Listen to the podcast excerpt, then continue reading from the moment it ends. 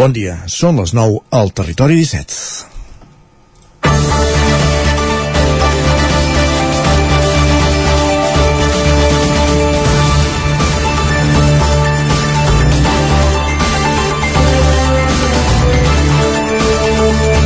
Els qui passem cada dia per davant la casa Serra i Moret a Vic, allà on hi havia hagut la comissaria de la Guàrdia Urbana, a la Rambla Hospital, se'ns dibuixava un somriure a la cara al comunicat que vam rebre divendres del Departament de Justícia, conforme s'hi havia instal·lat un nou jutjat a la ciutat en aquest edifici. Vam somriure perquè l'edifici està en obres, de dalt a baix, però resulta que no teníem motiu per riure, que dins d'aquestes obres hi ha una illa a la tercera planta on ja estan enllestides i hi ha tota la unitat d'un jutjat treballant-hi. De fet, el que es fa a l'antiga Casa Serra i Moret és habilitar-la habilitar com a jutjats. L'edifici comunicarà amb els actuals jutjats del carrer Morgades, convertint-se en una seu judicial més gran que l'actual. Ara bé, des del Col·legi d'Advocats ja adverteixen que tampoc serà suficient. Vic té actualment sis jutjats de primera instància i instrucció, un d'ells especialitzat en violència contra les dones. El col·legi demana un palau de justícia que doni cabut als serveis actuals i els que puguin venir en el futur, com podria ser el reivindicat jutjat penal. I és que en tema de justícia, més que avançar, sembla que anem enrere. El petit avenç que s'havia fet amb el trasllat dels jutges de Manresa a Vic, un cop a la, un cop a la setmana per celebrar els casos penals del partit judicial, ja és història per la precarietat de les instal·lacions que s'havien cedit.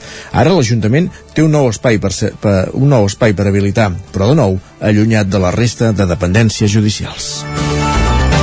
Pugem al carro del territori 17 a la sintonia de la veu de Sant Joan, Ona Codinenca, Ràdio Cardedeu, Ràdio Vic, el 9 FM i el 9 TV. Territori 17, amb Isaac Moreno i Jordi Sunyer.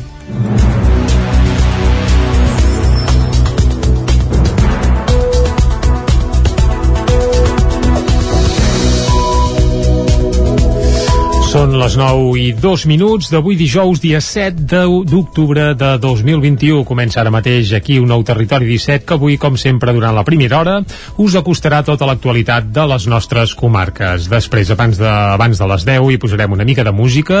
A les 10 en punt, un nou butlletí informatiu. I avui, com, so, com que som dijous, doncs les seccions habituals del quart dia de la setmana. Tindrem, per exemple, la secció de curiositats i paraules en català amb la Cristina Enfru punts. També anirem al cinema, com fem sempre els dijous. Avui des de Sitges, eh? Des de Sitges, imagina't, ja t'has dit que hi ha deuen escalfar motors pel Festival de Cinema Fantàstic de Catalunya. També tindrem la plaça, el nou espai d'economia digital Avui que hem estrenat aquesta targetes. temporada. Targetes de, de quines? De les de cèntims? Deixem-ho aquí. En general. Sí, perquè em sembla que no, no ho encertarem pas. Bé, i evidentment ens tocarà anar, com sempre, a la R3 on avui hi torna a haver jornada de vaga. I l'entrevista, això... molt important, parlarem de trial trial, eh? que aquest cap de setmana Sant Joan i si, celebren, si celebra el trial de Sant Igós i en parlarem amb la gent del Motoclub Abadesses. Fantàstic, doncs tot això i moltes coses més que encara no us avancem les farem des d'ara mateix i fins al punt de les 12 del migdia. I com sempre, per arrencar, el que farem és repassar l'actualitat de les nostres comarques, les comarques del Ripollès, Osona, el Moianès i el Vallès Oriental.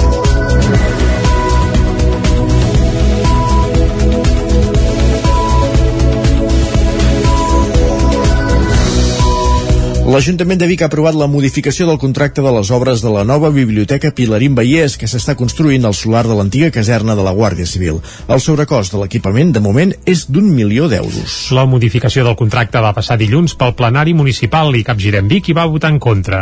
Segons la seva portaveu, Carla Dinarès, de moment el sobrecost serà d'un milió d'euros sobre els set pressupostats inicialment i amb la modificació de contracte i el marge d'increment previst, l'equipament podria arribar a costar 9 milions. Escoltem a Carla Carla Dinarès demanant més cura al govern municipal que hi hagi un major control, que hi hagi un major rigor i que aquest Ajuntament, com a propietat de l'obra, en certs moments es planti i digui aquí hi ha un contracte i que siguem molt curoses en quant a les modificacions de contracte perquè no són temes menors, són temes molt importants i aquesta obra, repeteixo, pot acabar amb 2 milions d'euros de més i amb un 24% del, de més del pressupost.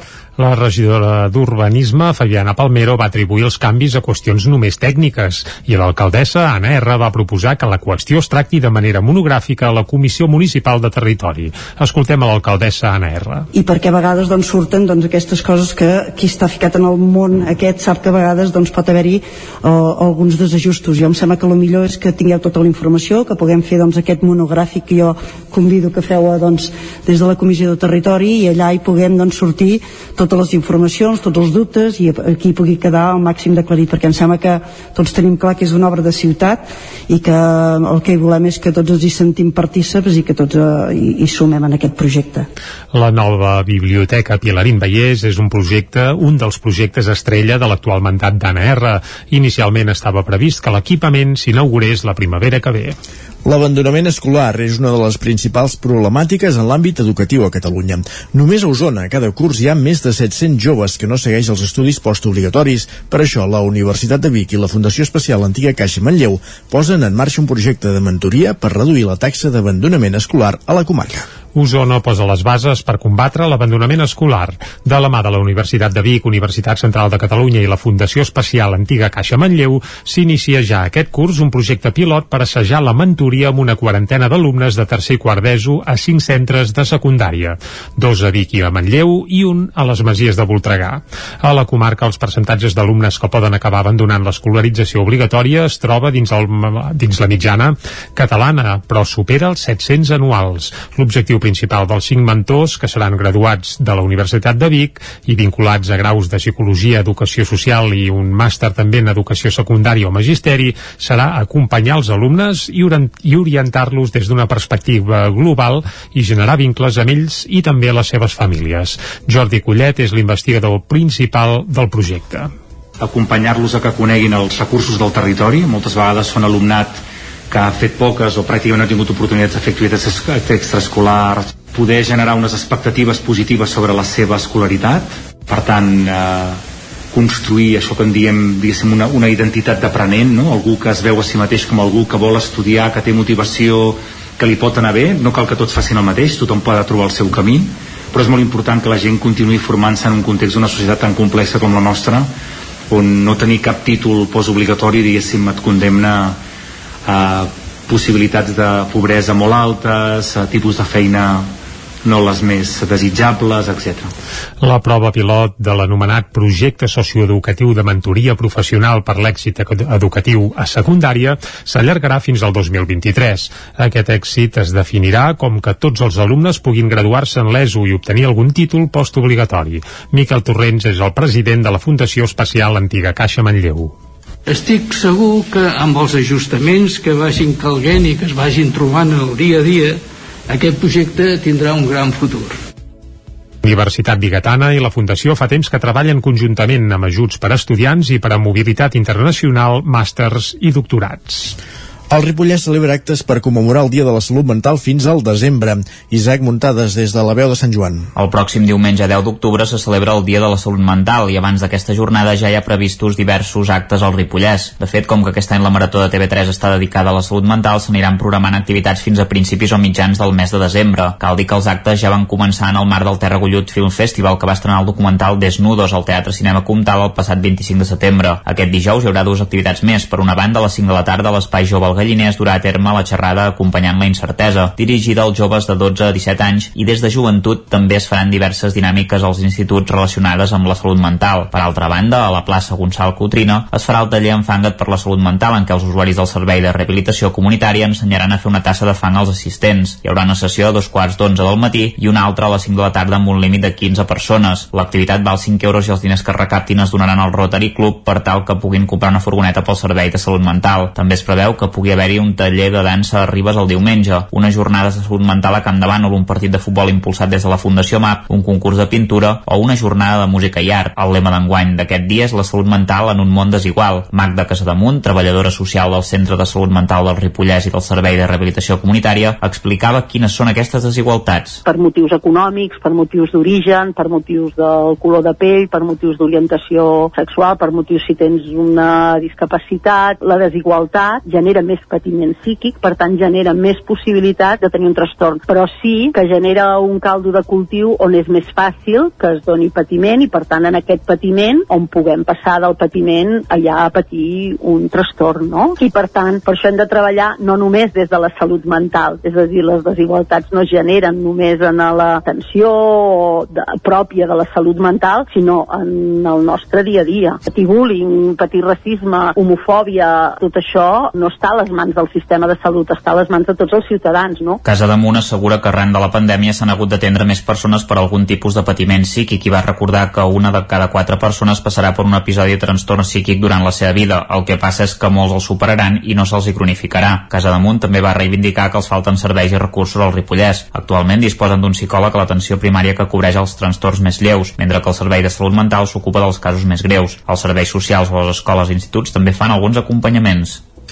Continuen les tasques arqueològiques al poblat ibèric de Puiggraciós, a Vigues i Riells. Aquest mes de setembre s'ha iniciat la tercera campanya d'excavacions que realitza a la zona, que era el campàs des d'Ona Codinenca. Les excavacions arqueològiques han tornat a Puiggraciós, el poblat situat a cavall de Vigues, l'Ametlla i el Figaró.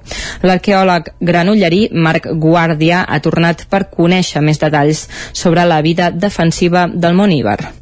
En la campanya de l'any passat vam aconseguir delimitar la fortificació d'aquest cantó de Llevant i enguany el que hem fet és excavar un d'aquests recintes defensius complexes que està format per quatre cambres annexades i que tenen la funció de protecció del poblat en aquest cantó eh, est i sobretot d'un dels accessos que vam localitzar, una de les portes principals que hem, que hem localitzat fins ara en aquest, en aquest jaciment. La campanya d'enguany es centrarà en l'excavació del recinte defensiu descobert el 2020. L'acció és una iniciativa impulsada des del Museu de Granollers i s'enmarca en un projecte sobre el coneixement de l'extrem nord de la Laietània en època ibèrica, territori on es troba el jaciment i que s'estén també fins l'excavació del poblat ibèric del Puig del Castell de Samalús. Un dels eixos d'aquesta recerca és l'excavació precisament del poblat ibèric de Puiggraciós, que s'espera que aporti llum per entendre millor què succeeix en aquesta àrea de la tribu dels laietans. Això s'insereix en, un, en un projecte de recerca que no només engloba l'excavació d'aquest jaciment, sinó també el, el jaciment de, del Puig del Castell de Samalús, que és un jaciment amb una forquilla cronològica d'ocupació molt àmplia, que va des del segle VI al segle I abans de Crist, i en l'estudi dels fons eh, del Museu de Granollers, en especial els d'Arqueologia Ibèrica, i la recerca en aquest jaciment de Puiggraciós és fonamental per entendre com es dibuixa aquest paisatge en època ibèrica en aquesta part nord de la, de la Laietània. L'equip format per 17 persones té l'objectiu de recollir prou dades per tal d'obtenir informació cronològica per marcar el moment de la construcció del poblat i definir el moment precís del seu abandonament.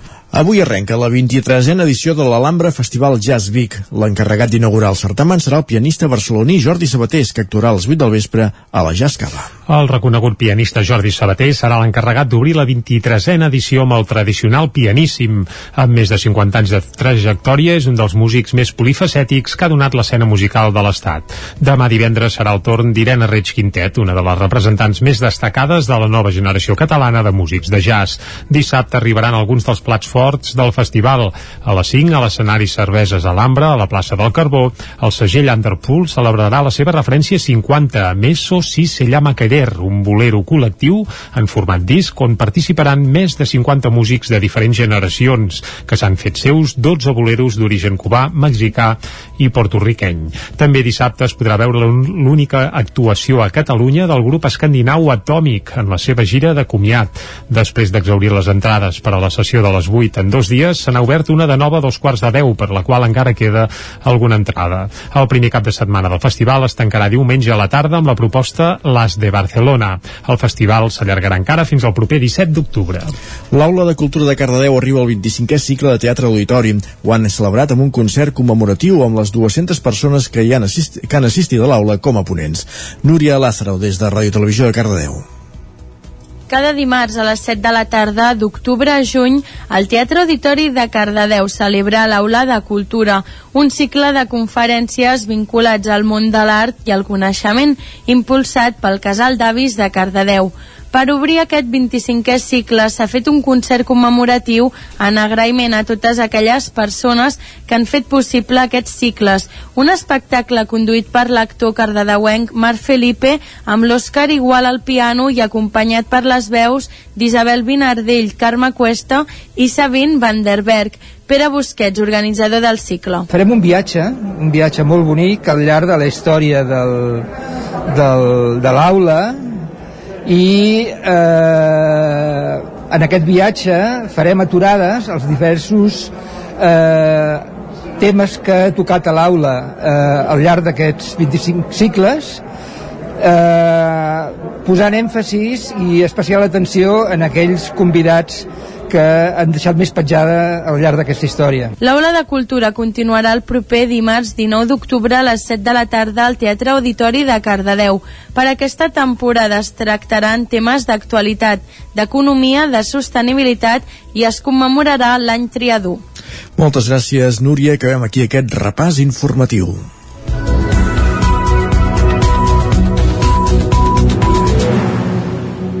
Moment ara de conèixer la previsió meteorològica.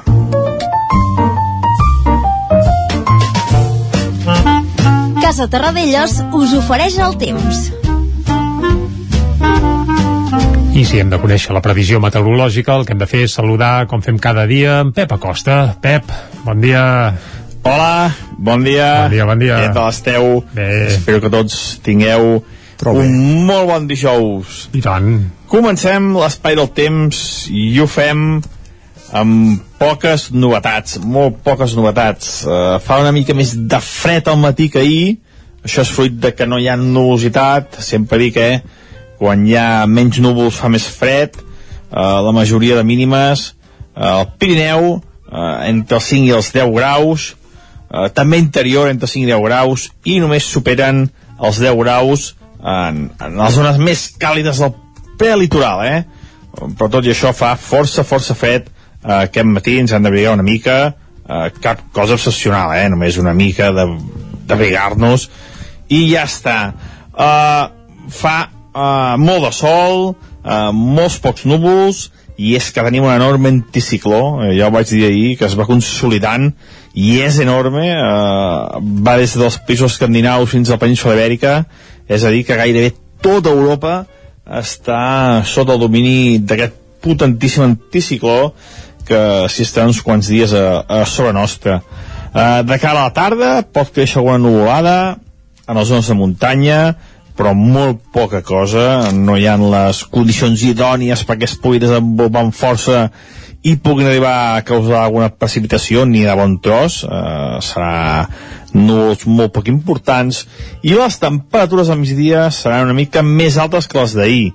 Eh, molt poc més altes però bueno, les màximes la majoria de valors entre els 18 i els 22-23 graus. Ambient agradable al centre del dia.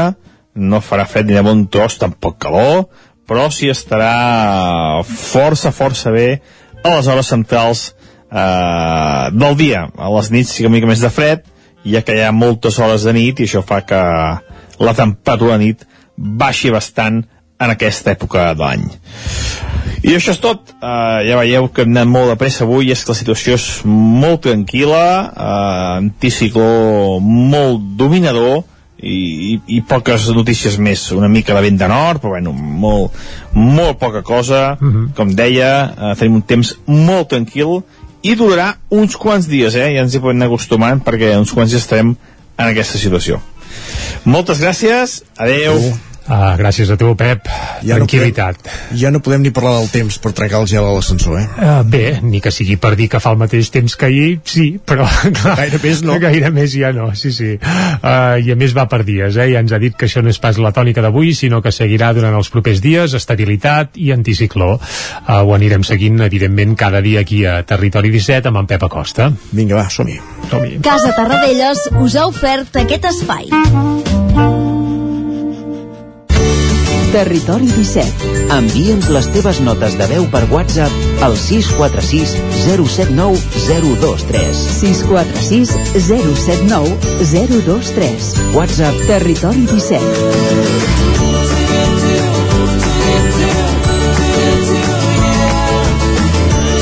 Territori 17. Som a Facebook, Twitter i Instagram amb l'usuari Territori 17.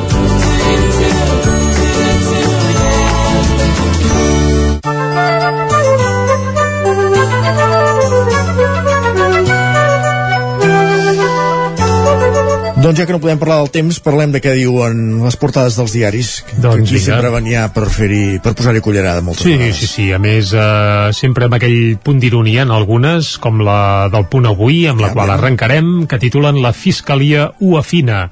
Recordem que això és Sí, aquella frase tant. mítica que Pedro Sánchez va deixar anar fa un... Bé, ja fa uns quants mesos, Pedro eh? Sánchez? Sí, sí, sí, Pedro Sánchez, el- la última campanya electoral abans que fos president de l'estat espanyol, que no, la Fiscalia no sé què, no pateixis, que ja ho afina, bueno, etc Sí, sí, sí. etc. Pim pam pum, doncs això, el punt avui, la Fiscalia ho afina. I per què titulen així? Doncs perquè la Fiscalia espanyola es disposa a arxivar la investigació sobre el rei emèrit. La decisió obre la porta al retorn del monarca fugitiu a Abu Dhabi. Aquí sí que el tracten de fugitiu. Uh, bé, d'altres uh, mitjans potser pensen que hi és de vacances a Abu Dhabi. D'altres mitjans no en tracten un altre de fugitiu. Això sí, Pedro Sánchez nega cap tracte de favor. És un altre dels titulets que apareix al punt avui, eh, però clar, cadascú que interpreti el que vulgui. La fotografia pel conseller Argimon i Pere Aragonès i un titular que diu Salut demana no abaixar la guàrdia. Estem parlant de la Covid, que bé, que sembla que l'anem deixant enrere, però és evident que encara és entre nosaltres, i un subtitular del punt avui que explica que els ingressos per Covid cauen per sota dels 400, les millors xifres dels últims 15 mesos. És a dir, ara mateix, als hospitals del Principat de Catalunya hi ha menys de 400 ingressats per Covid. Evidentment és per celebrar-ho, però Uh, cal anar en compte que la cosa no s'ha acabat. I un altre titular, Aragonès, insisteix que cal l'amnistia. Hem de fer un esment, eh? El, el títol... Eh, el, El Fiscalia ho afina. És no d'en Fernández Díaz, eh? Ara pla, val. I de l'any 2016, imagina't si va enrere la cosa. És d'en Fernández Díaz. Doncs, ostres, jo el tenia ubicat amb el, Doncs ho tenies amb mal el Pedro ubicat. Sánchez, ho teníem mal ubicat. Doncs molt ben feta l'esmena, perquè podria dur a equívocs, però clar, és evident que, que des del govern espanyol això de la Fiscalia tenen clar per què serveix. Però anem cap a l'ara, on també titulen parlant d'aquest arxivament del cas del monarca, la Fiscalia arxivarà les investigacions sobre Joan Carles I. Aquest és el titular principal eh, que obre l'ara i diu que les, les indagacions sobre l'AVE a la Meca topen amb l'opacitat dels saudites i la inviolabilitat, ja ho direm bé a costa això, eh, uh, del rei. Els fiscals donen per bona la regularització de 5 milions d'euros davant d'Hisenda que va fer el monarca ja fa uns quants mesos. Uh, crec que n'hauria de regularitzar uns quants més però bé, uh, segons els fiscals ja va passar comptes i ja està. El segon titular i la foto uh, és pel Barça. El Barça que és eh, bé, una guardiola foradada i tant de bo hi hagués un guardiola però la guardiola foradada és perquè no hi ha un cèntim en lloc i textualment es Bueno, pagaven fet, la Guardiola Foradada ho va ser en temps en, te- en, Bartomeus ara, ja, ara en paguem les sí, conseqüències Ara hi ha el que hi ha, sí, sí, sí, sí. Es pagaven comissions del 33%, aquest és el titular, eh, citen textualment el que va dir, el que va dir ahir Ferran Reverter, un, un dels directius de la Junta de la Porta, que va explicar quins són els resultats de la due diligence que va fer fer la Junta Uh, per saber quins són exactament els números de Bartomeu. La veritat és que hi ha coses que es van dir ahir que fan por i, ostres, si el Barça en comptes de bé, de ser dels socis fos una societat anònima esportiva potser No ja hauria fet fallida directament perquè té la marinera. Va, seguim amb altres portades. La Vanguardia, la porta pacta amb la Liga per salvar el seu aval de 125 milions. Aquesta és la novetat del dia eh, respecte Correcte. al tema del El president del Barça negocia amb Tebas que les enormes pèrdues de la temporada passada no s'atribueixin a la nova Junta. Això és el subtítol d'aquesta crisi eh, oberta al Futbol Club Barcelona, crisi tant esportiva com sobretot econòmica. Eh, la foto de l'avantguàrdia és pel famós volcà de la Palma. Diuen la pluja negra de la Palma ja afecta la salut és a dir, que a part de la lava que, es va, que va engolint cases, sembla que ara eh, l'estat de, de l'aire no seria el millor pels habitants que hi ha a l'illa. Uh, anem ara cap al periòdico que titula La factura del Brexit. El periòdico no parla del Borbó, sinó que parla del Brexit i diu que Johnson prepara els britànics pels problemes derivats de la sortida de la Unió Europea i culpa els empresaris per contractar immigrants sense formació. Ves per on? La culpa dels immigrants. Sempre. això de quins, vaja, si hi ha algun partit per aquí que també ho té, té clar que Més tot va així. Ah, sí, perquè ens hem d'enganyar. I el titular gros sense foto l'auditoria descobreix un Barça víctima d'una, obre cometes gestió nefasta. Això és el que titula el periòdico en l'edició d'avui. Anem a Madrid, va. Anem a Madrid, va, comencem pel país on hi ha una foto de la Roja que bé, es veu que està jugant una cosa que se'n diu la Lliga de Nacions Sí, ens ho explicaven muntades l'altre dia, això, ah, sí, sí. exacte, doncs Espanya a la final d'aquesta Lliga Ha de guanyat Nacions. Itàlia. va guanyar Itàlia, correcte un altre, titular, un altre titular la Fiscalia renuncia a la querella contra Joan Carles I la regularització fiscal i la inviolabilitat eh, del rei fan eh, amb un pujant, diuen ells, provoquen l'arxivament. El rei emèrit, d'altra banda, expliquen que està estudiant la possibilitat de tornar a l'estat espanyol. I tant que en van té. I exacte, i alegria que qui dia passa any empeny. Anem cap al mundo. Les comunidades autónomas del PP alliberaran sol sol amb, bé, Sol, anava a dir abans sol, anàvem terra, amb no? accent obert a l'O i abaixaran impostos en els lloguers no els ha agradat aquesta llei del lloguer que estan impulsant eh, socialistes i Unides Podem i eh, on Mani i el PP ja han deixat clar que aquesta llei serà paper mullat. Uh, deixem el Mundo anem a la Razón. Això és la llibertat, no?, que reivindiquen? evidentment, la Ah, seva. uh, la Razón tornen a posar Boris Johnson a la portada com ja havíem vist abans amb, uh, i diuen el show de Johnson soy el único con agallas ja ho poso així textual, pim pam pum ell no ho va dir en castellà, ho devia dir en anglès però la Razón ho han titulat així i també expliquen que Moncloa veu inadequat el retorn del rei emèrit la Razón que té línia directa uh, amb la amb, vaja, amb la, amb la Moncloa i no acaben de veure amb bons ulls que torni uh, Joan Carles I. Anem per acabar a fer un cop d'ull a l'ABC. Uh, la Fiscalia s'inclina per arxivar la investigació a Don Juan Carlos. La inviolabilitat, la prescripció i les regularitzacions fiscals fetes pel pare del rei faciliten que eviti una querella al Tribunal Suprem.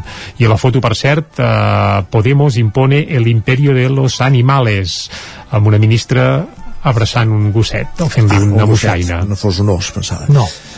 Doncs va, Curiós. moltes gràcies Jordi per aquest repàs de portades. Fem una petita pausa i en 3 minuts tornem a ser aquí repassant l'actualitat. El nou FM, la ràdio de casa, al 92.8.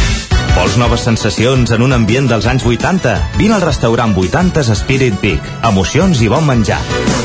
Costelles amb salsa de barbacoa, 8 tipus d'amanides, hamburgueses 100% de carn de vedella, carn a la brasa, pollastre, plats combinats, varietat en tapes, hamburgueses per a vegans i vegetarians...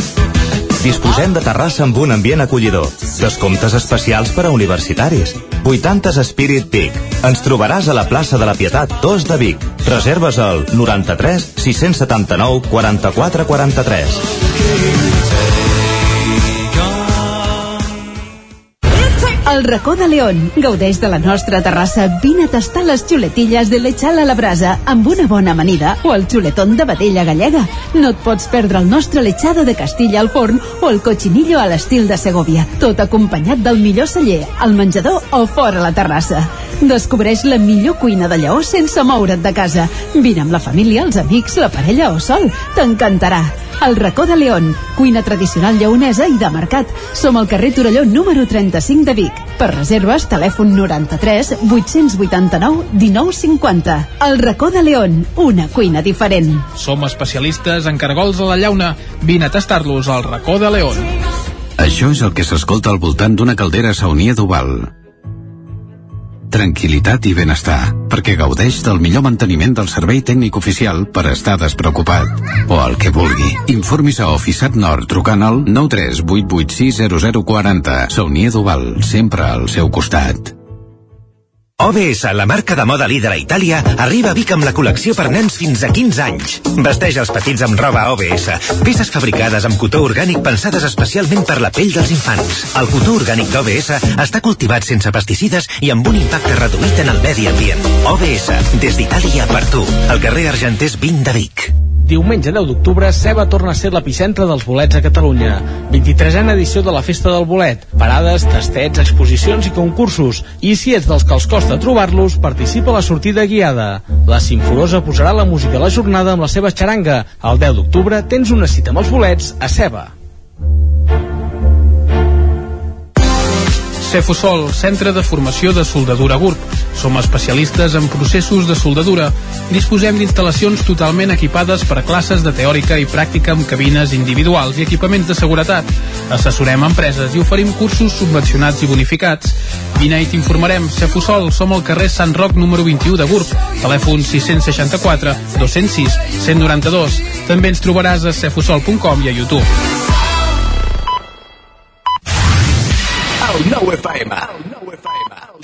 Dos quarts de deu al Territori 17. Territori 17, amb Isaac Moreno i Jordi Sunyer.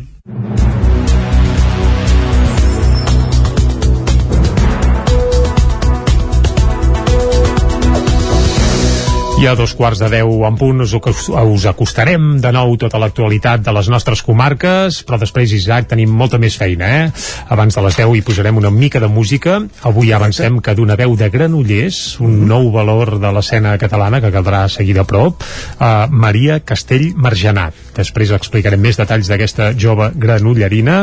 Més coses, també a les 10 us acostarem de nou tota l'actualitat i la informació de les nostres comarques. Tindrem entrevista a Sant Joan de les Abadesses. Correcte, amb el Motoclub Abadeses parlarem del trial de Santigosa. Fantàstic. Més coses que ens esperen per avui. Anirem a la plaça, no la Major de Vic ni la plaça de la Catedral, sinó a la plaça, el nou espai d'economia digital, digital que ens acompanya tots els dijous aquí a Territori 17 aquesta temporada. Avui parlarem de targetes mm -hmm. amb la gent d'11.cat, serà després de la taula de redacció, de les piolades també, i a l'última hora a l'última hora ens tocarà anar al cinema. Uh, tu, Isaac, hi vas sovint al cinema, eh? Sí, sí, ets que sigui més per... cinèfil que, que jo, segurament, eh?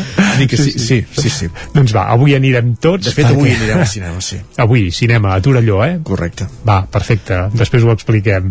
I uh, més informació, com sempre, i encara més coses. Uh, per exemple, la Cristina Enfruns també ens visitarà per detallar-nos algunes curiositats i treure a punt algunes paraules del català i ajudar-nos això, a parlar-lo millor. Tot això ho farem des d'ara mateix i fins a les 12 del migdia aquí a Territori 17.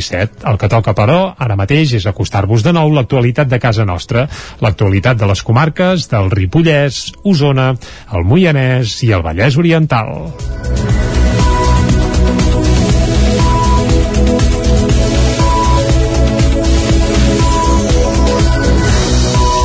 L'Ajuntament de Vic ha aprovat la modificació del contracte de les obres de la nova Biblioteca Pilarín Vallès que s'està construint al solar de l'antiga caserna de la Guàrdia Civil. El sobrecost de l'equipament, de moment, és d'un milió d'euros. La modificació del contracte va passar dilluns pel plenari municipal i Capgirem Vic hi va votar en contra. Segons la seva portaveu, Carla Dinarès, de moment el sobrecost serà d'un milió d'euros sobre els set pressupostats inicialment i amb la modificació de contracte i el marge d'increment previst, l'equipament podria arribar a costar 9 milions. Escoltem a Carla Dinarès demanant més cura al govern municipal que hi hagi un major control, que hi hagi un major rigor i que aquest Ajuntament, com a propietat de l'obra, en certs moments es planti i digui aquí hi ha un contracte i que siguem molt curoses en quant a les modificacions de contracte perquè no són temes menors, són temes molt importants i aquesta obra, repeteixo, pot acabar amb 2 milions d'euros de més i amb un 24% del, de més del pressupost. La regidora d'Urbanisme, Fabiana Palmero, va atribuir els canvis a qüestions només tècniques i l'alcaldessa, Anna R, va proposar que la qüestió es tracti de manera monogràfica a la Comissió Municipal de Territori. Escoltem a l'alcaldessa Anna R. I perquè a vegades doncs, surten doncs, aquestes coses que qui està ficat en el món aquest sap que a vegades doncs, pot haver-hi uh, alguns desajustos. Jo em sembla que el millor és que tingueu tota la informació, que puguem fer doncs, aquest monogràfic que jo convido que feu doncs, des de la Comissió de Territori i allà hi puguem doncs, sortir tot totes les informacions, tots els dubtes i aquí pugui quedar al màxim d'aclarit perquè em sembla que tots tenim clar que és una obra de ciutat i que el que hi volem és que tots ens hi sentim partíceps i que tots eh, hi, hi sumem en aquest projecte. La nova biblioteca Pilarín Vallès és un projecte, un dels projectes estrella de l'actual mandat d'Anna R. Inicialment estava previst que l'equipament s'inaugurés la primavera que ve. L'abandonament escolar és una de les principals problemàtiques en l'àmbit educatiu a Catalunya. Només a Osona, cada curs hi ha més de de 700 joves que no segueix els estudis postobligatoris. Per això, la Universitat de Vic i la Fundació Especial Antiga Caixa Manlleu posen en marxa un projecte de mentoria per reduir la taxa d'abandonament escolar a la comarca. Osona posa les bases per combatre l'abandonament escolar. De la mà de la Universitat de Vic, Universitat Central de Catalunya i la Fundació Especial Antiga Caixa Manlleu, s'inicia ja aquest curs un projecte pilot per assajar la mentoria amb una quarantena d'alumnes de tercer i quart d'ESO a cinc centres de secundària, dos a Vic i a Manlleu i un a les Masies de Voltregà. A la comarca, els percentatges d'alumnes que poden acabar abandonant l'escolarització obligatòria es troba dins, el, dins la mitjana catalana, però supera els 700 anuals. L'objectiu principal dels cinc mentors, que seran graduats de la Universitat de Vic i vinculats a graus de Psicologia, Educació Social i un màster també en Educació Secundària o Magisteri, serà acompanyar els alumnes i, orientar-los des d'una perspectiva global i generar vincles amb ells i també a les seves famílies. Jordi Collet és l'investigador principal del projecte.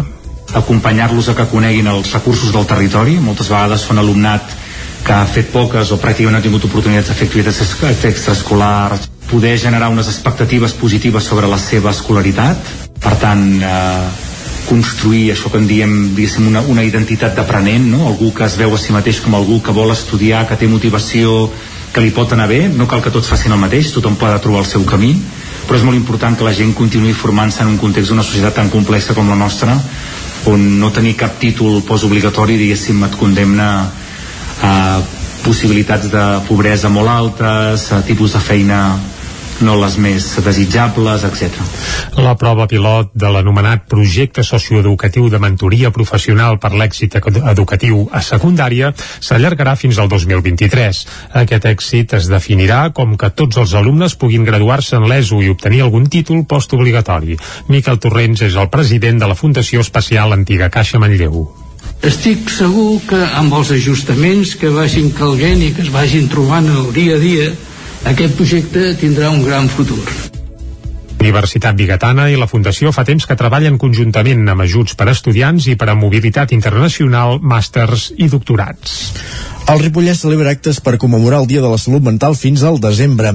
Isaac Muntades, des de la veu de Sant Joan. El pròxim diumenge 10 d'octubre se celebra el Dia de la Salut Mental i abans d'aquesta jornada ja hi ha previstos diversos actes al Ripollès. De fet, com que aquest any la Marató de TV3 està dedicada a la salut mental, s'aniran programant activitats fins a principis o mitjans del mes de desembre. Cal dir que els actes ja van començar en el marc del Terra Gullut Film Festival, que va estrenar el documental Desnudos al Teatre Cinema Comtal el passat 25 de setembre. Aquest dijous hi haurà dues activitats més. Per una banda, a les 5 de la tarda, l'Espai Jove Galliners durà a terme la xerrada acompanyant la incertesa, dirigida als joves de 12 a 17 anys i des de joventut també es faran diverses dinàmiques als instituts relacionades amb la salut mental. Per altra banda, a la plaça Gonçal Cotrina es farà el taller Enfanga't per la salut mental en què els usuaris del Servei de Rehabilitació Comunitària ensenyaran a fer una tassa de fang als assistents. Hi haurà una sessió a dos quarts d'onze del matí i una altra a les 5 de la tarda amb un límit de 15 persones. L'activitat val 5 euros i els diners que recaptin es donaran al Rotary Club per tal que puguin comprar una furgoneta pel Servei de Salut Mental. També es preveu que pugui haver-hi un un taller de dansa a Ribes el diumenge, unes jornades de salut mental a Camp de Bànol, un partit de futbol impulsat des de la Fundació MAP, un concurs de pintura o una jornada de música i art. El lema d'enguany d'aquest dia és la salut mental en un món desigual. Magda Casademunt, treballadora social del Centre de Salut Mental del Ripollès i del Servei de Rehabilitació Comunitària, explicava quines són aquestes desigualtats. Per motius econòmics, per motius d'origen, per motius del color de pell, per motius d'orientació sexual, per motius si tens una discapacitat, la desigualtat genera més patiment psíquic, per tant genera més possibilitat de tenir un trastorn, però sí que genera un caldo de cultiu on és més fàcil que es doni patiment i per tant en aquest patiment on puguem passar del patiment allà a patir un trastorn, no? I per tant, per això hem de treballar no només des de la salut mental, és a dir, les desigualtats no es generen només en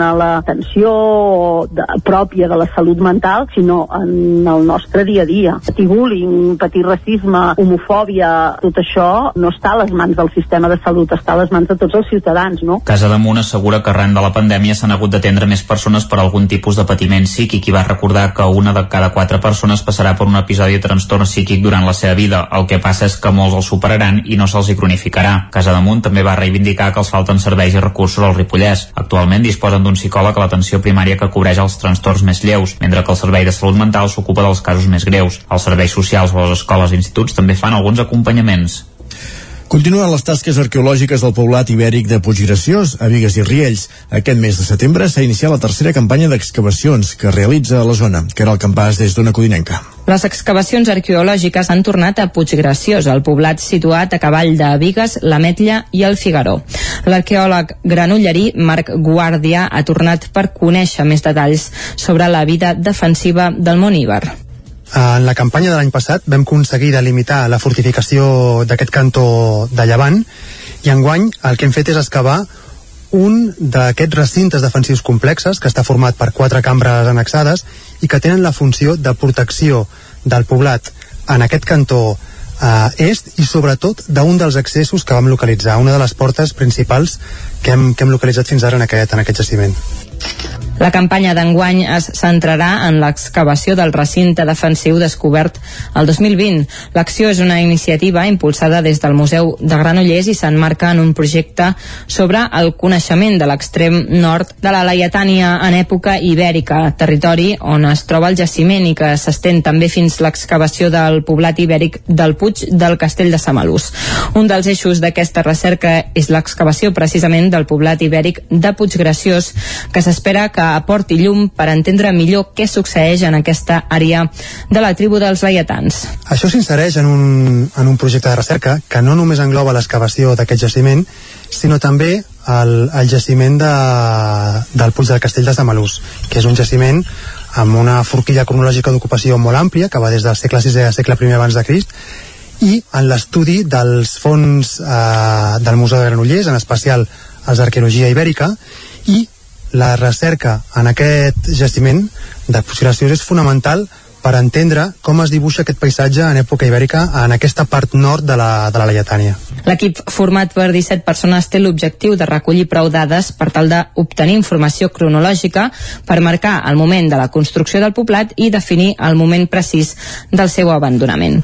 Avui arrenca la 23a edició de l'Alhambra Festival Jazz Vic. L'encarregat d'inaugurar el certamen serà el pianista barceloní Jordi Sabatés, que actuarà a les 8 del vespre a la Jazz Cava. El reconegut pianista Jordi Sabater serà l'encarregat d'obrir la 23a edició amb el tradicional pianíssim. Amb més de 50 anys de trajectòria, és un dels músics més polifacètics que ha donat l'escena musical de l'Estat.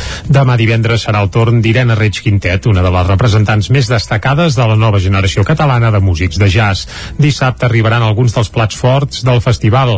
A les 5, a l'escenari Cerveses Alhambra, a la plaça del Carbó, el segell Underpool celebrarà la seva referència 50, Meso Si se llama Querer, un bolero col·lectiu en format disc on participaran més de 50 músics de diferents generacions que s'han fet seus 12 boleros d'origen cubà, mexicà i portorriqueny. També dissabte es podrà veure l'única actuació a Catalunya del grup escandinau Atòmic en la seva gira de comiat. Després d'exaurir les entrades per a la sessió de les 8 en dos dies, se n'ha obert una de nova dos quarts de 10, per la qual encara queda alguna entrada. El primer cap de setmana del festival es tancarà diumenge a la tarda amb la proposta Les de Barcelona. El festival s'allargarà encara fins al proper 17 d'octubre. L'Aula de Cultura de Cardedeu arriba al 25è cicle de Teatre Auditori. Ho han celebrat amb un concert commemoratiu amb les 200 persones que, hi han, assist que han assistit a l'aula com a ponents. Núria Lázaro, des de Ràdio Televisió de Cardedeu. Cada dimarts a les 7 de la tarda d'octubre a juny, el Teatre Auditori de Cardedeu celebra l'Aula de Cultura, un cicle de conferències vinculats al món de l'art i al coneixement, impulsat pel Casal d'Avis de Cardedeu.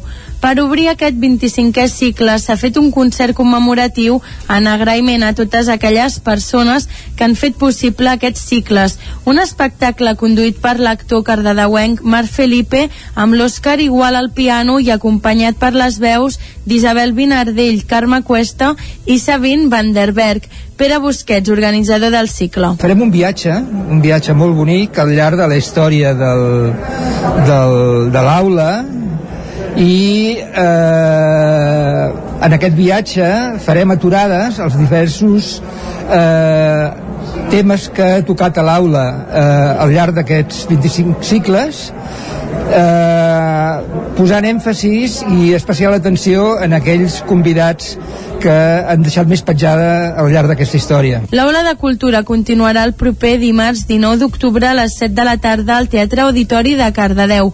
Per aquesta temporada es tractaran temes d'actualitat, d'economia, de sostenibilitat i es commemorarà l'any triador. Moltes gràcies, Núria. Acabem aquí aquest repàs informatiu.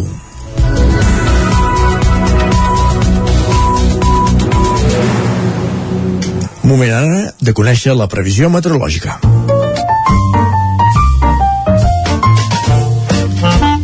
Casa Terradellos us ofereix el temps. I si hem de conèixer la previsió meteorològica, el que hem de fer és saludar, com fem cada dia, en Pep Acosta. Pep, bon dia. Hola, bon dia. Bon dia, bon dia. Què tal esteu? Bé. Espero que tots tingueu Prou bé. un molt bon dijous. I tant. Comencem l'espai del temps i ho fem amb poques novetats, molt poques novetats. Uh, fa una mica més de fred al matí que ahir, això és fruit de que no hi ha nubositat, sempre dic que quan hi ha menys núvols fa més fred, uh, la majoria de mínimes, uh, al Pirineu, uh, entre els 5 i els 10 graus, uh, també interior entre 5 i 10 graus, i només superen els 10 graus en, en les zones més càlides del prelitoral, eh? Però tot i això fa força, força fred uh, aquest matí, ens hem d'abrigar una mica, uh, cap cosa excepcional, eh? Només una mica d'abrigar-nos i ja està. Uh, fa uh, molt de sol, uh, molts pocs núvols, i és que tenim un enorme anticicló, eh, ja ho vaig dir ahir, que es va consolidant, i és enorme, eh, va des dels països escandinaus fins a la península ibèrica, és a dir, que gairebé tota Europa està sota el domini d'aquest potentíssim anticicló que s'hi estarà uns quants dies a, a sobre nostra. Uh, de cara a la tarda pot créixer alguna nuvolada en les zones de muntanya, però molt poca cosa, no hi ha les condicions idònies perquè es pugui desenvolupar amb força i puguin arribar a causar alguna precipitació ni de bon tros. Eh, serà núvols molt poc importants i les temperatures al migdia seran una mica més altes que les d'ahir. Eh, molt poc més altes però bueno, les màximes la majoria de valors entre els 18 i els 22-23 graus. Ambient agradable al centre del dia no farà fred ni de bon tros tampoc calor però sí estarà força força bé a les hores centrals eh, del dia. A les nits sí una mica més de fred, ja que hi ha moltes hores de nit i això fa que la temperatura de nit baixi bastant en aquesta època de l'any. I això és tot. Uh, ja veieu que hem anat molt de pressa avui és que la situació és molt tranquil·la, uh, anticicló molt dominador, i, i, i poques notícies més una mica de vent de nord però bueno, molt, molt poca cosa uh -huh. com deia, eh, tenim un temps molt tranquil i durarà uns quants dies, eh? ja ens hi podem anar acostumant perquè uns quants dies estarem en aquesta situació moltes gràcies, adeu uh. Ah, gràcies a tu, Pep. Ja Tranquilitat. No podem, ja no podem ni parlar del temps per trencar el gel a l'ascensor, eh? Uh, bé, ni que sigui per dir que fa el mateix temps que ahir, sí, però... Clar, gaire més no. Gaire més ja no, sí, sí. Uh, I a més va per dies, eh? Ja ens ha dit que això no és pas la tònica d'avui, sinó que seguirà durant els propers dies, estabilitat i anticicló. Uh, ho anirem seguint, evidentment, cada dia aquí a Territori 17 amb en Pep Acosta. Vinga, va, som-hi. som Casa Tarradellas us ha ofert aquest espai. Territori 17. Envia'ns les teves notes de veu per WhatsApp al 646 079 023. 646 079 023. WhatsApp Territori 17.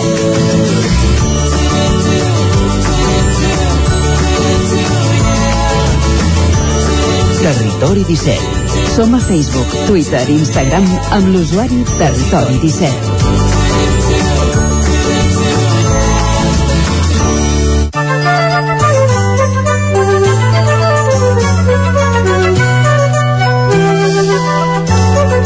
Doncs ja que no podem parlar del temps, parlem de què diuen les portades dels diaris. Doncs que aquí vinga. sempre venia per fer-hi, per posar-hi cullerada moltes Sí, vegades. sí, sí. A més, eh, sempre amb aquell punt d'ironia en algunes, com la del punt avui, amb la qual arrencarem, que titulen La Fiscalia ho afina. Recordem que això és Sí, aquella frase tant. mítica que Pedro Sánchez va deixar anar fa un... Bé, ja fa uns quants Bé, mesos, Pedro eh? Sánchez? Sí, sí, sí, Pedro Sánchez, a la No, sí. última campanya electoral abans que fos president de l'estat espanyol, que no, la Fiscalia no sé què, no pateixis, que ja ho afina, bueno, etc Sí, sí, sí. Pim pam pum, doncs això, el punt avui, la Fiscalia ho afina. I per què titulen així? Doncs perquè la Fiscalia espanyola es disposa a arxivar la investigació sobre el rei emèrit. La decisió obre la porta al retorn del monarca fugitiu a Abu Dhabi. Aquí sí que el tracten de fugitiu. Uh, bé, d'altres uh, mitjans potser es pensen que hi és de vacances a Abu Dhabi. D'altres mitjans en tracten un altre de fugitiu. Això sí, Pedro Sánchez nega cap tracte de favor. És un altre dels titulets que apareix al punt avui, eh, però clar, cadascú que interpreti el que vulgui. La fotografia pel conseller Argimon i Pere Aragonès i un titular que diu Salut demana no abaixar la guàrdia. Estem parlant de la Covid, que bé, que sembla que l'anem deixant enrere, però és evident que encara és entre nosaltres, i un subtitular del punt avui que explica que els ingressos per Covid cauen per sota dels 400, les millors xifres dels últims 15 mesos. És a dir, ara mateix, als hospitals del Principat de Catalunya hi ha menys de 400 ingressats per Covid. Uh, evidentment és per celebrar-ho, però uh, cal anar en compte que la cosa no s'ha acabat. I un altre titular, Aragonès, insisteix que cal l'amnistia. Hem de fer una esmena, eh? El, el títol... Eh, el, El l'autor Fiscalia ho afina. És no d'en Fernández Díaz, eh? Ara pla, val. I de l'any 2016, imagina't si va enrere la cosa. És d'en Fernández Díaz. Doncs, ostres, jo el tenia ubicat amb el, Doncs ho tenies mal el Pedro ubicat. Sánchez, ho teníem mal ubicat. Doncs molt ben feta l'esmena perquè podria dur a equívocs, però clar, és evident que, que des del govern espanyol això de la Fiscalia tenen clar per què serveix. Però anem cap a l'ara, on també titulen parlant d'aquest arxivament del cas del monarca, la Fiscalia arxivarà les investigacions sobre Joan Carles I. Aquest és el titular principal amb què obre l'ara i diu que les, les indagacions sobre l'AVE a la Meca topen amb l'opacitat dels saudites i la invia, inviolabilitat, ja ho direm bé a costa això, eh? Uh, del rei. Els fiscals donen per bona la regularització de 5 milions d'euros davant d'Hisenda que va fer el monarca ja fa uns quants mesos. Uh, crec que n'hauria de regularitzar uns quants més, però bé, uh, segons els fiscals ja va passar comptes i ja està. El segon titular i la foto uh, és pel Barça. El Barça, que és eh, bé, una guardiola foradada, i tant de bo hi hagués un guardiola, però la guardiola foradada és perquè no hi ha un cèntim en lloc, i textualment es Bueno, pagaven... fet, la Guardiola foradada ho va ser en temps en, en, temps, en temps Bartomeus ara, ja, ara en paguem les sí, conseqüències Ara hi ha el que hi ha, sí, sí, sí, sí. Es pagaven comissions del 33%, aquest és el titular, eh, citen textualment el que va dir, el que va dir ahir Ferran Reverter, un, un dels directius de la Junta de la Porta, que va explicar quins són els resultats de la due diligence que va fer fer la Junta uh, per saber quins són exactament els números de Bartomeu. La veritat és que hi ha coses que es van dir ahir que fan por i, ostres, si el Barça en comptes de bé, de ser dels socis fos una societat anònima esportiva potser No ja hauria fet fallida directament perquè té la marinera. Va, seguim amb altres portades. La Vanguardia, la porta pacta amb la Liga per salvar el seu aval de 125 milions. Aquesta és la novetat del dia eh, Correcte. del El president del Barça negocia amb Tebas que les enormes pèrdues de la temporada passada no s'atribueixin a la nova Junta. Això és el subtítol d'aquesta crisi eh, oberta al Futbol Club Barcelona, crisi tant esportiva com sobretot econòmica. Eh, la foto de la Vanguardia és pel famós volcà de la Palma. Diuen la pluja negra de la Palma ja afecta la salut és a dir, que a part de la lava que, es va, que va engolint cases, sembla que ara eh, l'estat de, de l'aire no seria el millor pels habitants que hi ha a l'illa. Uh, anem ara cap al periòdico que titula La factura del Brexit. El periòdico no parla del Borbó, sinó que parla del Brexit i diu que Johnson prepara els britànics pels problemes derivats de la sortida de la Unió Europea i culpa els empresaris per contractar immigrants sense formació. Ves per on? La culpa dels immigrants. Sí. Això de quins... Vaja, si hi ha algun partit per aquí que també ho té, té clar que tot va d'un. així. Ah, sí, perquè ens hem d'enganyar. I el titular gros sense foto, l'auditoria descobreix un Barça víctima d'una, obre cometes, gestió nefasta. Això és el que titula el periòdico en l'edició d'avui. Anem a Madrid, va. Anem a Madrid, va. Comencem pel País, on hi ha una foto de la Roja, que bé, es veu que està jugant una cosa que se'n diu la Lliga de Nacions Sí, ens ho explicaven muntades l'altre dia. Ah, Sí, sí, exacte, doncs Espanya a la final d'aquesta Lliga Ha guanyat Nacions. Itàlia. Va guanyar Itàlia, correcte. Un altre, titular, un altre titular. La Fiscalia renuncia a la querella contra Joan Carles I. La regularització fiscal i la inviolabilitat eh, del rei fan eh, amb empujant, diuen ells, provoquen l'arxivament. El rei emèrit, d'altra banda, expliquen que està estudiant la possibilitat de tornar a l'estat espanyol. I tant que en té. I exacte, i alegria que qui dia passa any empeny. Anem cap al mundo. Las comunidades autónomas del PP alliberaran sol sol um, bé, Sol, anava dir, sol, abans sol, anàvem terra, amb no? obert a l'O i abaixaran impostos en els lloguers no els ha agradat aquesta llei del lloguer que estan impulsant uh, socialistes i Unides Podem i uh, on Mani i el PP ja han deixat clar que aquesta llei serà paper mullat uh, deixem el Mundo anem a la Razón Això és la llibertat, no?, que reivindiquen? Evidentment, la Ah, seva. Uh, la Razón tornen a posar Boris Johnson a la portada, com ja havíem vist abans, amb, uh, i diuen el show de Johnson, soy el único con agallas, ja ho poso així textual, pim-pam-pum, ell no ho va dir en castellà, ho devia dir en anglès, però la Razón ho han titulat així, i també expliquen que Moncloa veu inadequat el retorn del rei emèrit. La Razón que té línia directa uh, amb la, amb, vaja, amb la, amb la Moncloa i no acaben de veure amb bons ulls que torni uh, Joan Carles I. Anem per acabar a fer un cop d'ull a l'ABC. Uh, la Fiscalia s'inclina per arxivar la investigació a Don Juan Carlos. La inviolabilitat, la prescripció i les regularitzacions fiscals fetes pel pare del rei faciliten que eviti una querella al Tribunal Suprem. I la foto, per cert, uh, Podemos impone el imperio de los animales amb una ministra abraçant un gosset o fent-li Ah, una un. No fos un os, pensava. No. Doncs amb animals, acabem aquest repàs a dades d'avui Mm. dijous 7 d'octubre i com dèiem Jordi ens avançaves abans que avui escoltarem música d'una música d'una cantant de, Sí.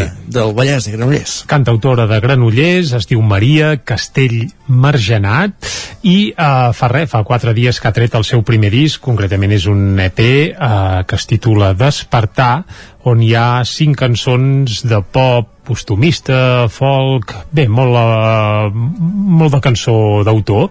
A més, uh, avui dia hi ha molts cantautors que treuen cançó, bàsicament discos molt produïts, amb moltes capes, molt atmosfèrics. En Pau canvi, la. Maria Castell no, ha anat a buscar l'essència, veu, guitarra, poques coses més, un disc molt i molt pur, on hi ha cançons com La mort i l'Esperança, que és la canceta d'aquest disc i que és la que escoltarem avui. Abans, però, tres notes més de la Maria. És molt jove, va néixer l'any 1995, eh, per tant, res, es pot dir que fa quatre dies. I bé, i si no la coneixeu, eh, feu un cop d'ull a, a internet, perquè té unes quantes cançons penjades i la veritat és que és, és divertit. I per acabar, també un apunt, i és eh, la portada dels seus discos i de tots els seus singles. Els mireu i semblen dels anys 60 o 70. És a dir, eh, primer ella mateixa ja té un aire així segle XX i les portades doncs a mi em recorden i molt doncs aquelles portades del Lluís Llach als anys 60, de la Marina Rossell també, tant amb el tipus de lletra com amb les fotografies i la veritat és que tot l'univers també sonor i on ha facturat tots els vídeos, totes les fotos doncs és precisament a la Cerdanya i les seves cançons més que un aire urbà de Granollers doncs tenen un aire així molt rural i molt de muntanya. No ens enrotllem gaire més, deixem, deixeu, vaja, seduir-vos per la veu de la Maria Castell Margenat, aquest seu primer disc, Despertar, on hi ha peces com aquesta, La mort i l'Esperança. Amb ella arribarem fins al punt de les 10. Des d'aquí esperant-te ja sents el cor vespre batega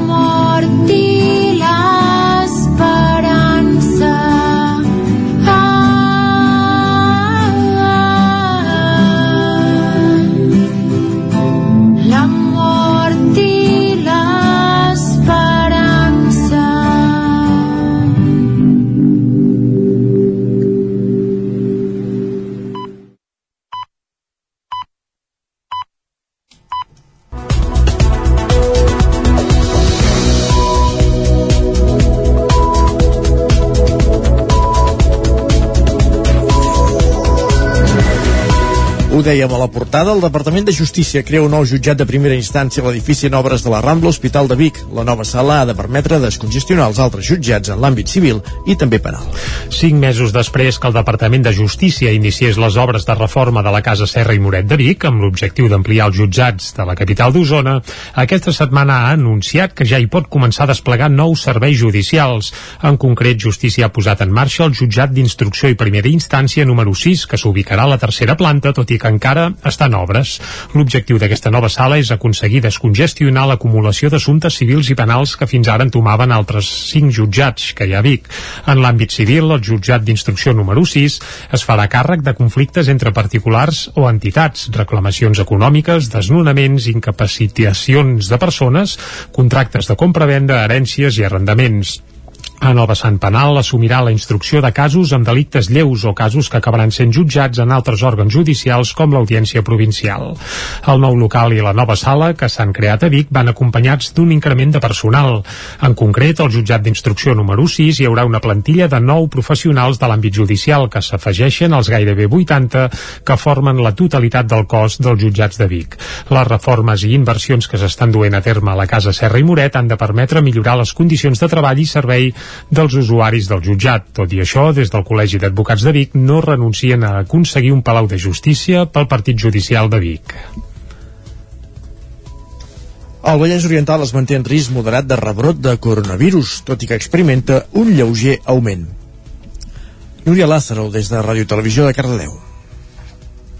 La situació de la pandèmia de Covid es manté estable a Catalunya. Amb la cinquena onada ja més que superada, el retorn a la feina i l'escola no han provocat encara una sisena, com temien alguns experts, cosa que ha permès avançar l'obertura de l'oci nocturn. Des de fa unes dues setmanes el risc de rebrot al país quasi no varia a nivells moderats entre els 60 i 70 punts, però la situació no és homogènia. Ha el 35,7% de comarques i el 25,8% de ciutats el risc és alt, motiu pel qual convé no baixar la guàrdia. El Vallès Oriental es manté el risc moderat de rebrot, però amb un lleuger augment. El conjunt d'indicadors es mantenen a nivells bons, especialment una positivitat molt baixa i la detecció de menys de 2.500 contagis setmanals, uns nivells que no es veien des del juliol de l'any passat. Igualment, la pressió hospitalària segueix baixant, havent actualment 417 ingressats per Covid, una xifra que no es vivia tampoc des del juliol del 2020 i que cau respecte als quasi 2.300 assolits en el pic de la cinquena onada, mentre que 123 es troben a l'UCI, molts menys que els 600 que es van fregar fa uns dos mesos. Sant Joan aprova dues mocions per protegir el gorg de, el gorg de mala tosca i millorar els parcs infantils.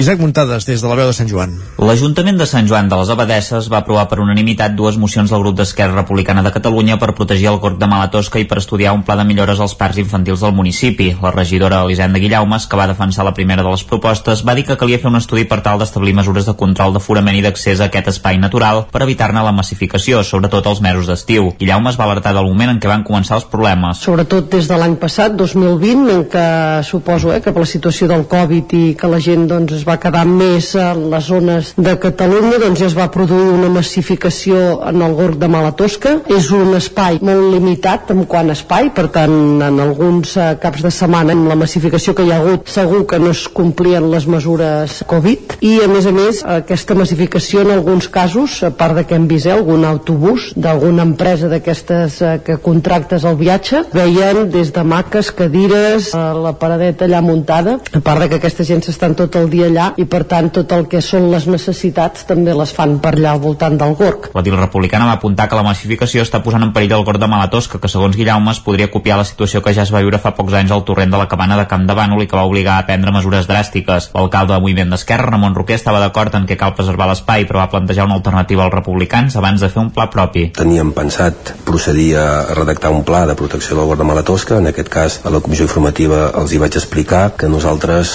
coneixem la iniciativa del Patronat de Turisme Costa Brava de redactar un pla de protecció doncs, dels gorgs de la demarcació de Girona, més característics, dels més visitats. Eh? Esperarem doncs, a veure doncs, si finalment aquest pla tira endavant amb la col·laboració de la Diputació de Girona. Si no fos el cas, doncs després sí que des de l'Ajuntament miraríem doncs, de tirar un pla propi, local, però en tot cas sí que la idea doncs, acollir-nos en un pla més de, de província de Girona doncs, ens sembla molt interessant, també una mica per unir criteris, que serà més, més fàcil entendre què és allò admissible, què no és allò admissible. I... La regidora Lluïsa Pérez va exposar la moció per planificar un pla de millores pels nou parcs infantils que hi ha al municipi. Per això va demanar un pla d'actuacions programat per tal d'incrementar-ne la seguretat i millorar-los, a més de demanar que fossin inclusius. També creiem que aquests parcs han de ser accessibles i inclusius, és a dir, no hem de deixar de banda mai els nens amb mobilitat reduïda i amb discapacitats. Creiem que també tenen dret a un lloc de jocs i compartir-los amb altres nens. I després, per acabar, també ens agradaria ampliar el parc de l'estació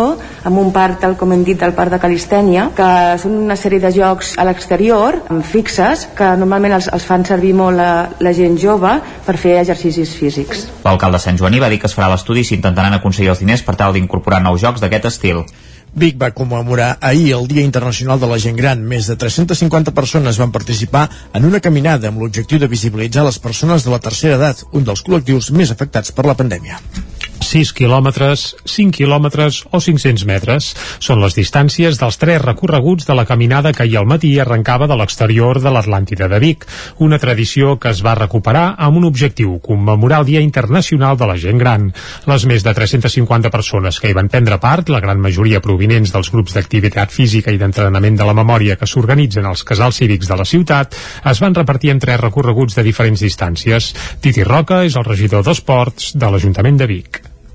És una jornada, diguéssim, que eh, tots els que fan gimnàstica eh, d'avançada data a la nostra ciutat, hi ha un dia que és la caminada de la gent gran, es, es, es preparen tres recorreguts amb eh, diferents eh, llargades, per tant és un dia de, de festa, d'inici, de, de que la gent disfruti de l'entorn, diguéssim, de l'anella verda i l'entorn natural que tenim de ciutat, però sobretot també m'agradaria ressaltar aquest any, un any després de tenir moltes dificultats per tothom per moure's, però també amb aquest col·lectiu de gent, no?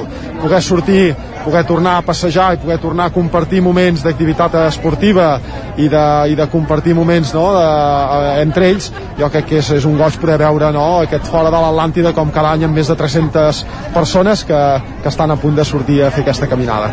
L'objectiu de la caminada era visibilitzar les persones de la tercera edat, un dels col·lectius més afectats per la pandèmia. Ho detalla Núria Oms, regidora de Benestar i Família de l'Ajuntament de Vic. És un dels col·lectius més afectats i, com sempre, l'Ajuntament, doncs, el col·lectiu de persones grans, doncs, l'hem intentat cuidar sempre, no? És una de les grans prioritats no? del, nostre, del nostre mandat. Ja quan va ser la pandèmia els vam cuidar molt, no? acompanyant-los, telefonant-los a casa directament, etc. i tots els serveis de gent gran, i aquest és un servei, no és un servei pròpiament, és una activitat, no? però vull dir, combinem serveis de protecció i d'acompanyament amb activitats més lúdiques com aquesta. No? Els tres recorreguts van comptar amb la participació de persones voluntàries de la Creu Roja d'Osona i de Protecció Civil. També hi van participar els monitors dels casals cívics de Vic. Vigues i Riells del FAI impulsa un espai on s'autoritza la creació de grafits professionals i amateurs. Caral Campàs, des d'Ona Codinenca. Els murs del camp de futbol de Vigues s'han destinat a la primera zona de grafiti professional autoritzat de la població. La iniciativa, que es denomina Virart, té l'objectiu de promoure l'art urbà. Marc Disse, grafiter de Vigues, valorava així la iniciativa. Pues me parece muy bien porque no había ningún sitio autorizado para que podíamos pintar aquí en este pueblo. Y teníamos que salir fuera a otras ciudades, a otros pueblos a pintar i me parece perfecto. Alhora, l'Ajuntament també vol prevenir les pintades descontrolades i contenir l'incivisme. El jovent interessat només s'ha d'adreçar a l'Espai Jove a la Cova per obtenir un permís de 6 mesos per pintar a l'espai habilitat. Només es pot obtenir el permís per pintar amb el compromís de no realitzar cap pintada amb missatges discriminatoris. Josep Anton Tripiana és regidor de Joventut. Tracta de promocionar l'art al nostre municipi i és fruit de converses amb joves artistes, tant de Vigues i Riells com de la Vall del Tenes, eh, que ens expressaven la necessitat de tenir un lloc on, on poder expressar-se és molt diàleg, van anar buscant lloc que siguessin adequats per començar el projecte i van pensar que el camp de futbol, la tanca del camp de futbol que està molt malmesa i on hi ha pintades incontrolades podria ser un bon lloc per començar i a partir d'aquí anar-nos estenent. Aquesta és una prova pilot que, si funciona, s'ampliaria a d'altres zones del municipi. També es pretén crear una borsa amb tot el col·lectiu que participi d'aquest projecte per tal de tenir un recull d'aquest tipus d'artistes. Pic homenatge al fotògraf biguetà Manel Esclusa amb quatre exposicions a diferents espais de la ciutat. Sota el títol genèric El llegat de la llum, aquesta mostra descentralitzada arriba a la capital usonenca coincidint amb el desaniversari de l'Ac Vic, al Centre d'Arts Contemporànies. Les obres de Lluna i Ombra ja llueixen a la sala gran de l'Ac Vic. És una de les quatre exposicions que formen el llegat de la llum, un projecte múltiple de Manel Esclusa que divendres s'inaugurarà a quatre espais diferents de la ciutat. La retrospectiva del fotògraf biguetà és un dels plats forts del desè aniversari del Centre d'Arts Contemporànies de Vic. Aquest dimarts, en roda de premsa, Esclusa ja va parlar dels seus inicis a la capital usonenca, on situa el tret de sortida d'una trajectòria de més de 50 anys. L'escoltem. En un moment determinat de la meva vida, quan era molt jove, van haver-hi un grup de gent d'aquí Vic, artistes, que són els que em van motivar i em van proporcionar l'empenta de pensar que la fotografia també podia ser un mitjà d'expressió en l'àmbit de l'art. Parlo d'aquells pintors, escultors, com el Pep Bernis, com el, el Furriols, com el Ricard, el Sans, l'Uribe, Pla de Vall, i segurament que me'n deixo alguns, alguns quants més. El llegat de la llum és una retrospectiva de la carrera d'Esclusa, centrada en gran part en experimentar amb la llum. Ho explica Laura Terré, comissària de l'exposició. Mitjançant aquesta experimentació, que sembla molt científica, ell el que està fent és eh, expressant aquest gaudi de la vida, aquesta, aquest miracle no, de, la, de, de la llum, que eh, realment en condicions molt pobres de llum, o sigui, tot mm, ficat a dins la tenebra és capaç encara d'extreure aquesta vida que tenen les formes. A partir de demà divendres es podran visitar les quatre exposicions d'Esclusa. Al Museu de l'Art de la Pell s'hi exposaran les primeres sèries del fotògraf, fotografies dels anys 70 i 80 centrades en el món de les ombres i les llums de la ciutat. A l'Escola d'Arts hi haurà un recull d'obres dels 90 i principis del segle XX i al Temple Romà s'hi podrà contemplar una sèrie fotogràfica inèdita feta durant les seves estades a Vic. Les obres més contemporànies es podran veure a l'AC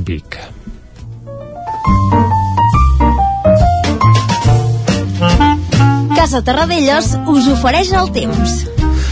Són les 10 i gairebé 13 minuts del matí i en aquest punt, Isaac, és moment de tornar a fer una ullada a la situació meteorològica que ja avancem que es presenta monòtona, ja ens ho ha dit el Pep Acosta a primera hora del matí, pocs canvis, però vaja, el saludem igualment perquè ens expliqui què ens espera per les properes hores. Pep, bon dia. Hola, bon dia. Bon dia, bon dia. Comencem l'espai del temps i ho fem amb poques novetats, molt sí. poques novetats. Uh, fa una mica més de fred al matí que ahir, això és fruit de que no hi ha nubositat, sempre dic que eh, quan hi ha menys núvols fa més fred, uh, la majoria de mínimes, uh, el Pirineu uh, entre els 5 i els 10 graus, uh, també interior entre 5 i 10 graus, i només superen els 10 graus en, en les zones més càlides del prelitoral, eh? però tot i això fa força, força fred aquest matí ens han d'abrigar una mica i és que tenim un enorme anticicló eh, ja ho vaig dir ahir, que es va consolidant i és enorme uh, va des dels països escandinaus fins a la península ibèrica és a dir que gairebé tota Europa està sota el domini d'aquest potentíssim anticicló que s'hi estarà uns quants dies a, a sobre nostra. Uh, de cara a la tarda pot créixer alguna nuvolada en les zones de muntanya però molt poca cosa, no hi ha les condicions idònies perquè es pugui desenvolupar amb força i puguin arribar a causar alguna precipitació ni de bon tros. Eh, serà núvols molt poc importants i les temperatures a migdia seran una mica més altes que les d'ahir.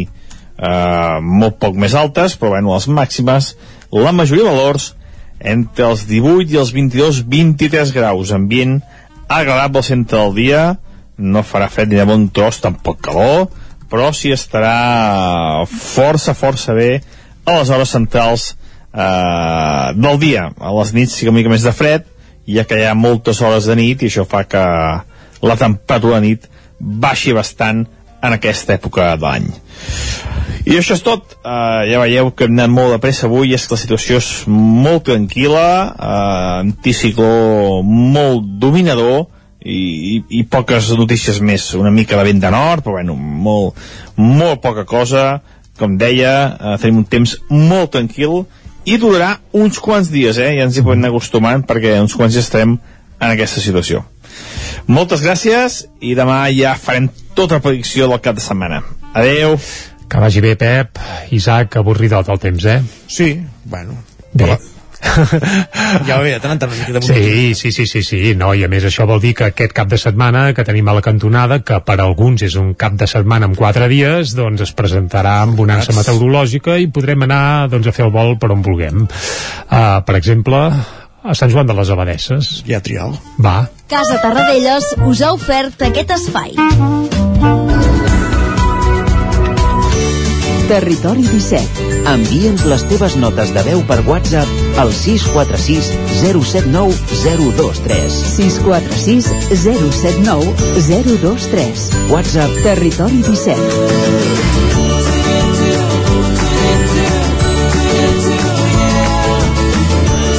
Territori 17. Som a Facebook, Twitter i Instagram amb l'usuari Territori 17.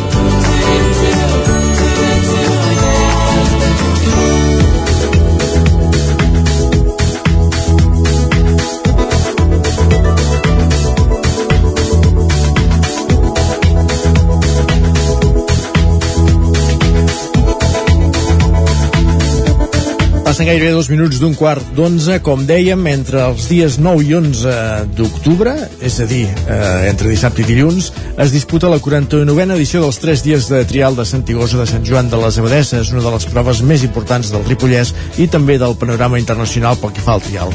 L'any passat la Covid va obligar a suspendre la prova, però ja tornem a, la tornem a tenir aquí per gaudir-ne. Anem fins a l'Eu de Sant Joan, allà ens hi espera l'Isaac Muntades. Isaac, bon dia. Bon dia, Isaac. Doncs sí, avui a l'estudi contem amb nosaltres amb l'Agustí Fajula, que és membre de la Junta del Motoclub Abadeses i també responsable de l'àrea de Medi Ambient, l'entitat doncs, que s'encarrega d'organitzar la competició al Motoclub Abadeses. Per tant, bon dia i moltes gràcies per estar aquí amb nosaltres, Agustí, que sé que tens molta feina, sobretot aquests dies previs. Sí, bon dia. Bueno, he vingut amb delegació del nostre president, en Joan Montcanut, que si jo estic enfeinat, ell encara més que jo.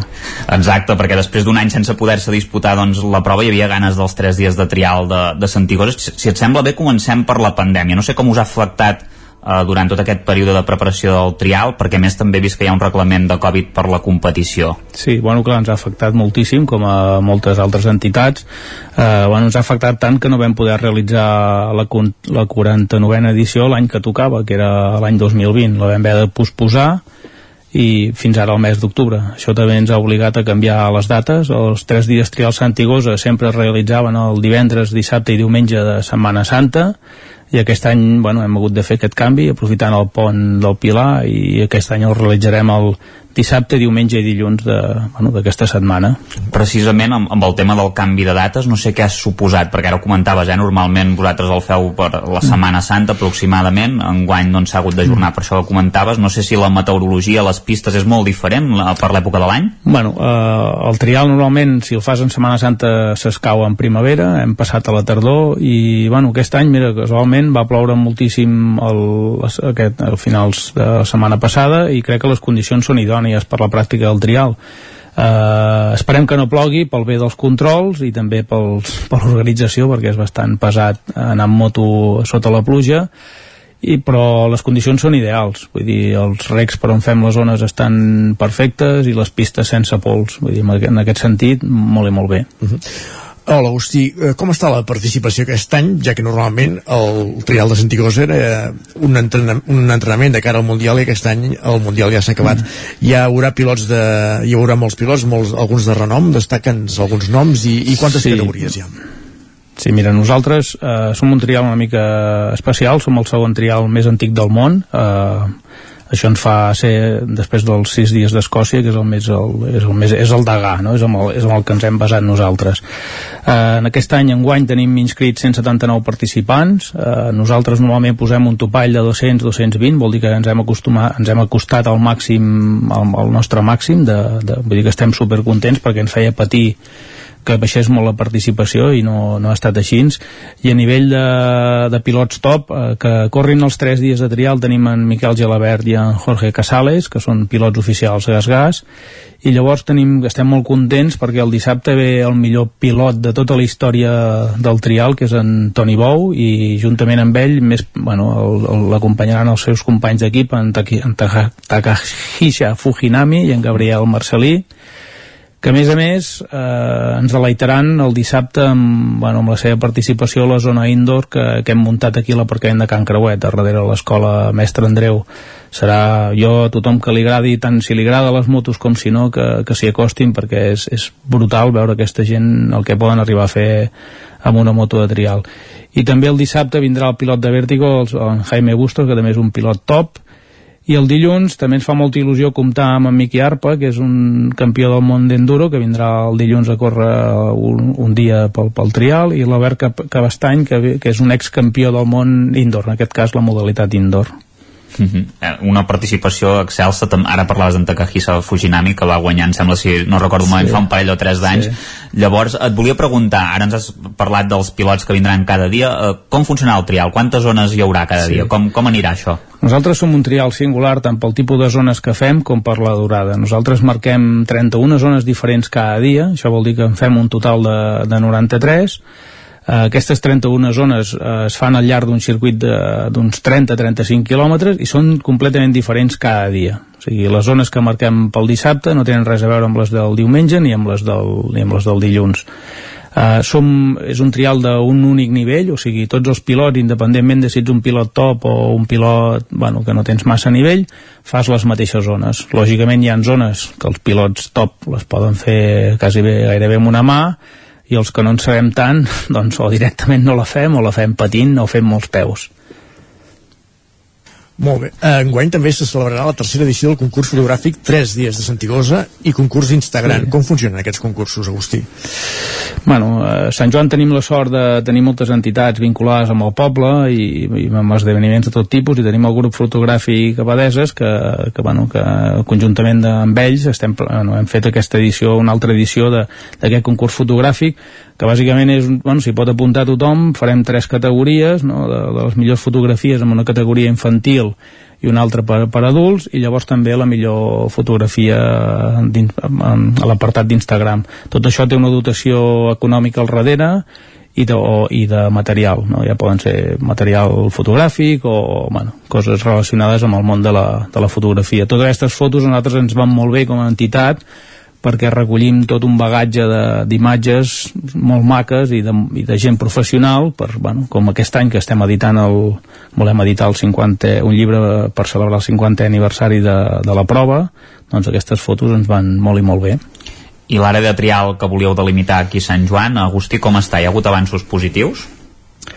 Bueno, això ahir vaig, vaig fer una entrevista amb un altre mitjà i bueno, és, és, això sí que és el nostre verdader virus no? vull dir, el Covid eh, ens ha afectat molt però hi veiem la llum al final del túnel. El tema de medi ambient no, no ens en sortim. Vull dir, ens topem amb la llei i la llei no, no, no ens va a favor hi ha molt bona predisposició tant pel, pels polítics com per la gent del territori però quan has de parlar bueno, quan arriba el moment de signar documents o de signar autoritzacions aquí topem amb barreres jurídiques amb, amb lleis molts cop pensades des de despatxos lluny de, del territori de la, nosaltres som un poble rural que bueno, sabem el que hem de fer per cuidar el nostre entorn i no cal que ens ho diguin des d'un despatx i tot i així, bueno, tot i el nostre bagatge de més de 50 anys, no, que hem pogut demostrar amb fets, no? amb fets no en paraules sinó en fets que la nostra afectació sobre el medi és mínima tot i així estem, tenim moltíssimes restriccions i ens costa moltíssim tirar endavant una prova de, amb el nivell en què nosaltres la volem fer. Sobretot també per, eh, per passar, per exemple, per les zones d'aigua, aquest tipus de zones, no? que Sí. potser és el que més us impedeix, no? Sí, o sigui, la característica principal de, dels tres dies trials Santigosa i de la- i de l'entorn de Sant Joan de les Abadeses, Ridaura, Vallfogona i Ugassa, que és per on ens movem, són les zones d'aigua, i sobretot les zones d'aigua en Tosca. Eh, aquests recs tenim la gran sort que, que tenen una aigua molt neta, molt rica i amb una biodiversitat bestial i tot i que nosaltres hi passem per dins o ho creuem amb les motos, aquesta biodiversitat es manté i això és el que nosaltres volem que, que se'n reconegui, no? que som compatibles, la nostra pràctica, la nostra pràctica cívica és compatible amb la protecció del, de l'entorn per on discorren. Eh, nosaltres eh, som santjoanins, ens estimem el nostre poble i ens estimem el nostre entorn i som els primers que volem garantir la preservació del, del nostre entorn. No cal que ens ho digui una llei, ja ho tenim clar. I bueno, estem intentant hem fet multitud de, bueno, multitud de reunions i multitud de treballs i multitud d'estudis i, i, bueno, i estem encallats vull dir, portem des del 2003 batallant-hi i no veiem la llum al final del túnel. Vull dir, el túnel cada cop sembla més llarg. És, és, és trist perquè eh, costa fer coses a, a muntanya, costa, costa fer coses a, a l'entorn rural, no? I, I gent com nosaltres que tenim ganes de fer coses, que ho fem sen, sense ànim de lucre, amb voluntat de, de, de dotar d'ambient i i, bueno, d'iniciatives noves i portar gent aquí al territori, doncs, bueno, només et posen capals a les rodes i això desgasta molt. Ens queden molt pocs segons, Agustí, només et volia preguntar eh, breument per al tema dels 50 anys, que és l'any que ve. Sí. Eh, parlaves del llibre, no sé, alguna cosa més, si ens pots avançar? bueno, estem treballant a fons en, el, en, en, el, en la celebració del 50è aniversari i per això és tan important fer aquesta edició del, del 49è edició per, a, per, ja, per encarar d'aquí res serà la Setmana Santa de l'any que ve i estem preparant un llibre, estem preparant vídeos estem preparant tot un seguit de conferències de moltíssimes coses, però ja us ho explicarem més endavant. Molt bé, ho tindrem temps de parlar-ne. Moltíssimes gràcies, Agustí, i gràcies també, Isaac, i que vagi molt bé aquests tres dies de Santigosa. Gràcies, benvinguts tots a, aquí a Sant Joan. Perfecte.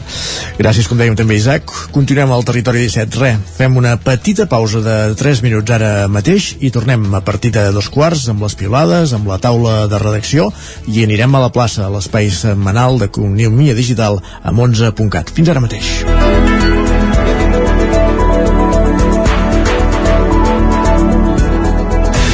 El nou FM, la ràdio de casa, al 92.8.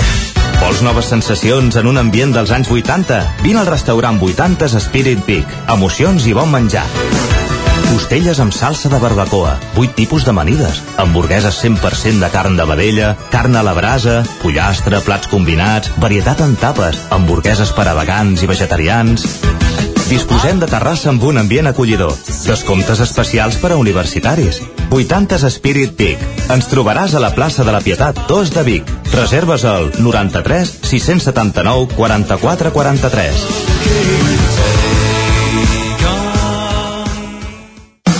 Mudances a la carta. Som especialistes en muntatge i desmuntatge de mobles.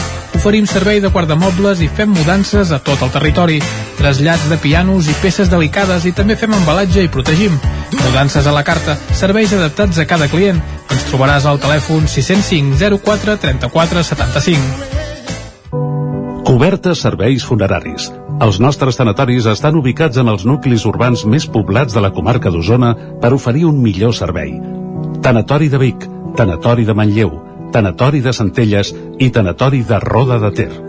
Sabem que són moments difícils i per això el nostre compromís és atendre-us en tot moment amb un tracte humà, sensible i respectuós. Cobertes serveis funeraris. Telèfon 24 hores 93 883 23 46. El racó de León. Gaudeix de la nostra terrassa. Vine a tastar les xuletilles de l'Echal a la brasa amb una bona amanida o el xuletón de vedella gallega. No et pots perdre el nostre lechado de Castilla al forn o el cochinillo a l'estil de Segovia. Tot acompanyat del millor celler, al menjador o fora la terrassa. Descobreix la millor cuina de Lleó sense moure't de casa. Vine amb la família, els amics, la parella o sol. T'encantarà. El racó de León, cuina tradicional lleonesa i de mercat. Som al carrer Torelló número 35 de Vic. Per reserves, telèfon 93 889 1950. El racó de León, una cuina diferent. Som especialistes en cargols a la llauna. Vine a tastar-los al racó de León. Cocodril Club. Si t'agrada la bona música dels anys 60, 70 i 80, escolta el 9 FM els matins de dissabtes i diumenges d'11 a 1. És el temps del Cocodril Club, tot un clàssic de la ràdio, amb les bases del pop-rock, les llegendes, les cançons que s'han convertit en autèntics himnes. Recorda, dissabtes i diumenges al matí, d'11 a 1, al 9 FM 92.8. Cocodril Club, el programa revival de l'Albert Malla. Hasta luego, cocodrilo. El nou FM, el nou FM, el nou FM.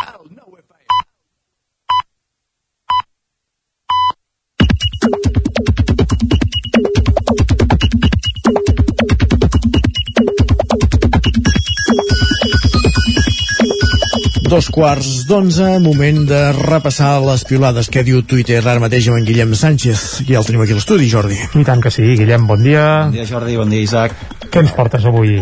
Doncs avui hi ha una mica de lament perquè la gent ja comença a pensar en el temut, o no sé si dir-ho així, canvi d'hora que hi haurà a finals d'aquest mes d'octubre, aquelles reflexions al voltant de què significa encara llevar-se quan és molt fosc o que Però això falta, falta molt, eh? Falta- Últim cap sí. de setmana d'octubre, eh? Falta molt encara, però es veu que avui hi havia com un revuelo, diguem-ho així, perquè tothom ja començava a parlar d'aquest tema. La, la Margalida, per exemple, deia no estic emocionalment preparada perquè es faci fosc a dos quarts de sis de la tarda.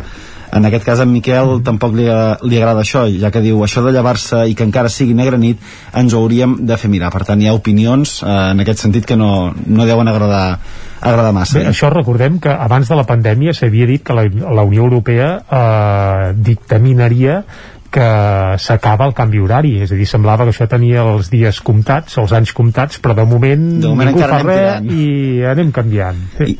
hi ha gent a qui no li agrada el canvi d'hora ni tampoc el mes en general en què, en què ens trobem, com per exemple la Joana que diu, els octubres per mi són desesperants, quasi cada dia amb mal de cap i per rematar-ho, aquest canvi d'hora recordem que serà el dia 31 i que, si no recordo malament, a les dues seran les 3 Correcte.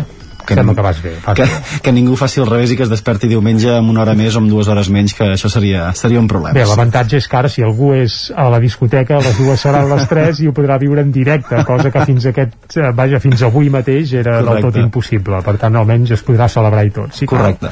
Vinga. Recordeu que... Ja, també ho pots celebrar mirant Netflix, eh, aquestes hores de la nit. Sí, Mira, no és anava- el mateix, però vaja. Anava per aquí, Isaac, perquè hem de tornar a fer referència a aquesta sèrie que parlàvem a principis de setmana, la del joc del calamar, sí. perquè es veu que... L'Isaac ja l'ha vista, potser. No, no, jo estic enganxat amb, amb la- amb l'assistenta i encara no, no, no he entrat a la dimensió calamar. Doncs es veu que avui ha sortit la notícia que un número de telèfon que apareix en aquesta sèrie és un número de telèfon real i Carai. que gairebé aquest te- telèfon rebia 4.000 trucades al dia i que la persona que tenia aquest número de telèfon doncs, ha hagut de rebre tractament psicològic per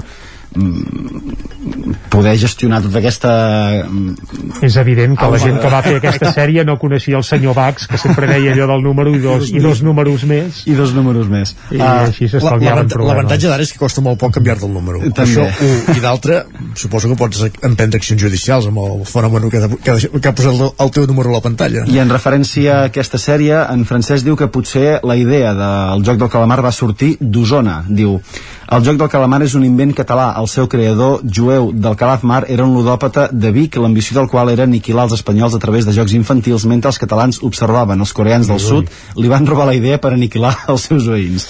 Alerta, que te, tenim una aportació per línia interna de l'Isaac muntades que diu que si algú ha vist el juego del calamar per tant, si algú ja l'ha acabada eh, recomana Alice in Borderland que és el mateix estil Doncs ens ho apuntarem també, Jordi.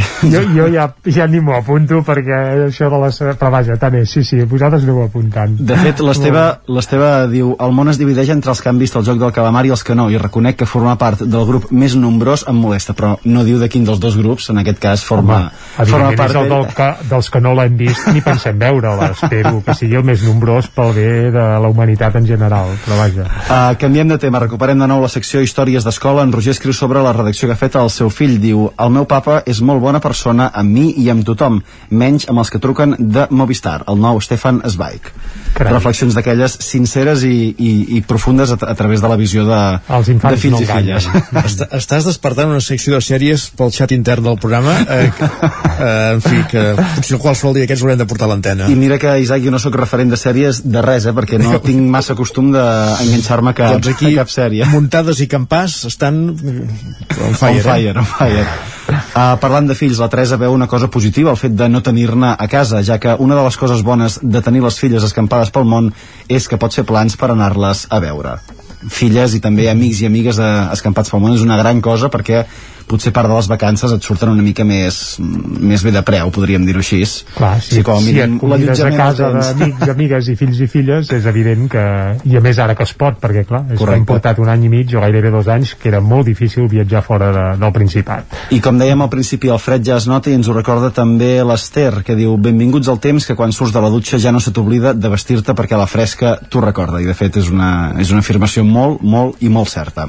Per tant, tu l'has comprovat en Ja l'hem primera comprovat. persona. I ja per acabar, vosaltres teniu manies abans d'anar a dormir? de fer alguna cosa, de beure un got de llet, de tancar totes les finestres o de fer quel- quelcom així? Bueno, més que manies són rituals, no ho sé.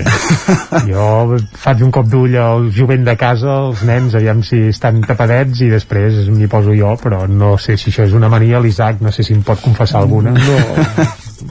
perquè en Biel diu vosaltres també mireu el volcà de la Palma en directe a la nit No, abans d'anar a dormir és com un petit mantra que hi ha agafat costum certa, certa gent com aquest, en aquest cas aquest usuari Bé, és evident que els canals de YouTube en directe fan molt de mal. Fan molt de sentit. Sí, sí. Això fa 10 anys no s'ho plantejava ningú. Correcte. Vinga, anem a repassar portades digitals, Jordi. Doncs vinga, anem a repassar portades digitals. Comencem pel 99.cat d'Osona i el Ripollès, que ara mateix explica que l'antic camp de futbol de Tona, un camp de futbol que fa 20 anys que no s'hi juga a futbol, per tant això d'antic és, és real, doncs es convertirà en una zona d'entrenament per a gossos. També expliquem que Sant Joan de les Abadeses apuja un 3% la pressió fiscal per fer front als pagaments i que el Festival Terra Gullut reuneix grans noms del fotoperiodisme, això l'edició d'Osona i el Ripollès. Anem a fer un cop d'ull a la del Vallès Oriental, que ara mateix obre explicant que Gats la Roca denuncia el robatori d'un armari preparat per acollir una colònia de gats. Això a la Roca del Vallès. Els hi han robat un armari que tenien bé ubicat en un racó del poble per això, per fer per alimentar gats, ras i curt, i perquè no estiguessin tirats pel carrer. També Sant Celoni homenatjarà a Lluís Giró aquest diumenge al Teatre Ateneu i que 19 cossos de policia local del Vallès Oriental incorporen un total de 30 nous agents. Això ho trobem al 99.cat del Vallès Oriental. Perfecte, Jordi, gràcies. No marxis, Guillem, que continuem amb tu a la taula de redacció.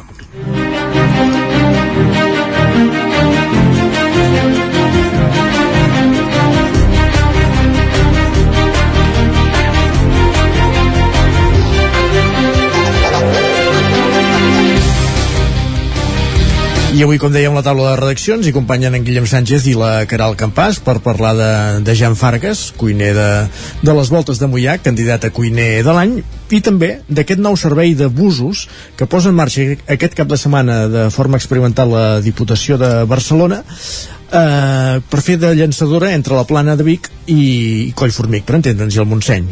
De fet, hi ha més d'una ruta, eh? eh i que aquesta setmana ens han, ens han presentat. La idea és alliberar els aparcaments de, del Parc Natural del Montseny, no, I, Guillem? Sí, correcte, i sobretot això, eh, evitar que hi hagi una massificació de, de vehicles, ja no tant de, de gent, sinó de, de transport que accedeix a aquestes zones i que per tant afecta a la, a la fauna i a la, i a la flora de, de, de paisatges i de paratges com el del Montseny i sobretot també es va destacar durant la, la presentació que es vol evitar això, que si aquests vehicles ja no estan aparcats en llocs que a vegades no, no toquen quan queden plens els eh, aparcaments, això llavors pot eh, facilitar més l'accés de serveis d'emergència, que és un dels problemes que a vegades es troben en, en zones de, de difícil accés per, per ambulàncies o per, o per altres tipus de vehicles. I una mica això, eh, l'idea és que això, que, com dèiem, hi ha diverses línies que surten de Vic, surten de l'estació de Sant Miquel de Balanyà, fins a on? Diguéssim, explica'ns una mica el funcionament i horaris i aquestes... Sí, tenim un parell de, de línies que surten des de, des de Vic. La primera és la Vic-Balanyà, Ceba, Collformic. La segona surt des de Vic, passa per Balanyà, per Ceba i arriba fins a Viladrau i de fet en aquesta prova pilot que comença, com dèiem, aquest cap de setmana, tot i que amb els horaris en què es planteja aquesta futura línia regular teòricament hauria d'arribar fins al coll de Bordoriol es va confirmar que durant aquesta prova pilot eh, la parada que hi haurà a Viladrau de la línia serà fins a l'Ajuntament, per tant hi haurà una sola parada i no pas dues. Llavors hi ha una altra línia també, una tercera, en aquest cas de, de l'altra banda, podríem dir, que és la que... A veure, la banda Vallesana, banda Vallesana, per entendre'ns, que és la que surt des de Santa Maria de Palau Tordera i arriba fins al Montseny. Recordem que aquest servei, aquesta prova pilot, estarà en marxa eh, dissabtes, diumenges i festius. Per tant, tot aquest cap de setmana ja estarà en marxa i també, per exemple, el dimarts de la setmana que ve, dia 12 d'octubre, que també és festiu. Sí, l'idea és això, que qui vulgui pujar, per exemple, per posar un exemple bàsic, el Matagalls, que fins ara eh, aniria fins al aparcament de Collformic, doncs l'idea és que eh, eh, parqui a Vic o parqui Sant Miquel de Balanyà, diguéssim, que ja pugui fer, eh, si cal, llavors complementar una visita a la comarca, agafi aquest bus llançadora, que em sembla que eh, hi són des de les 7 del matí des de... Sí, el, el primer que surt des de l'estació d'autobusos de Vic ja és a les 7 i 20 i a partir d'aquí tenim també eh, des de Tona a les 9 del matí, a 3 quarts d'11 a 2 quarts d'una, per tant, bones freqüències per, per, per poder fer aquest accés a la... Poden a Vic, surten de l'estació d'autobusos, pugen fins a Collformic i a l'hora de tornar hi ha busos fins a les 6 de la tarda per tornar cap als mateixos destins on tenim el cotxe, per entendre's, eh? Sí, correcte, correcte. I de fet una de les coses que també es va destacar és el fet de poder fer aquest transport ja no només amb autocar des d'aquests eh, llocs de aparcament d'aquí a la comarca, Vic, Balanyà, Ceba o altres, o altres punts, sinó també de, de, de combinar-ho amb bitllets de rodalies o d'altres transports públics, sigui servei de tren o, o servei d'autocar, uh mhm. -huh. que en principi des de la pàgina web de, de Renfe ja han d'estar eh, validats per tal de, de poder fer aquesta compra i, per exemple, anar des de Barcelona el o des de la Garriga utilitzant només transport públic, és un dèficit que ara mateix no, no hi era doncs veurem quin grau d'acceptació té i, i si el més important, si això el que fa és alleujar una mica l'impacte sobre, sobre el territori en aquest Que de fet, en principi, si tot eh, funciona com sembla que així es va deixar veure durant la roda de premsa de presentació, eh, la idea és que a partir del 2022, es digui mes de febrer o mes de març, ja es puguin entrar aquestes tres línies eh, com a transport regular eh, públic a, a Osona i a, les, i a les comarques veïnes. Doncs moltes gràcies, Guillem, ara sí. Bon dia. Bon dia. I continuem a la taula de redacció i com dèiem anem fins a una codinenca amb la Caral Campàs. Bon dia. Per, Hola, bon dia. per parlar del Gastronòmic Fòrum Barcelona que es farà eh, d'aquí 15 dies a, a Montjuïc, a, a la Fira, però no, només, però no tant de, del fòrum, sinó del, del Premi del Cuiner de l'any en què hi ha un nominat del territori, és així. Exacte, aquest nominat és Jan Fargas, que és cuiner al restaurant Les Voltes de Sant Sebastià, a Mollà. Mm -hmm. I, com bé deies, és finalista a aquest Premi Cuiner 2021, que és un prestigiós guardó que escull doncs, el millor cuiner d'entre sis nominats. Llavors, ell forma part d'aquest uh, d'aquestes uh, persones finalistes.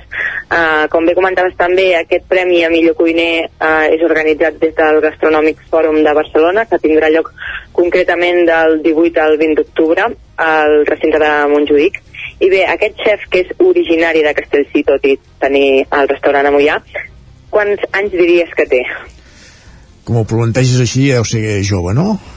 És jove, té només 23 anys 23, i s'ha fet s'ha fet un lloc en aquesta doncs, curta llista de finalistes on us comento que també l'acompanya Joseba Cruz que és de Le Clandestine a Navàs entre sí. d'altres noms Llavors, nosaltres vam poder parlar amb Joan Fargas i ens va explicar una mica com va rebre la notícia, que va ser de la manera doncs, més col·loquial.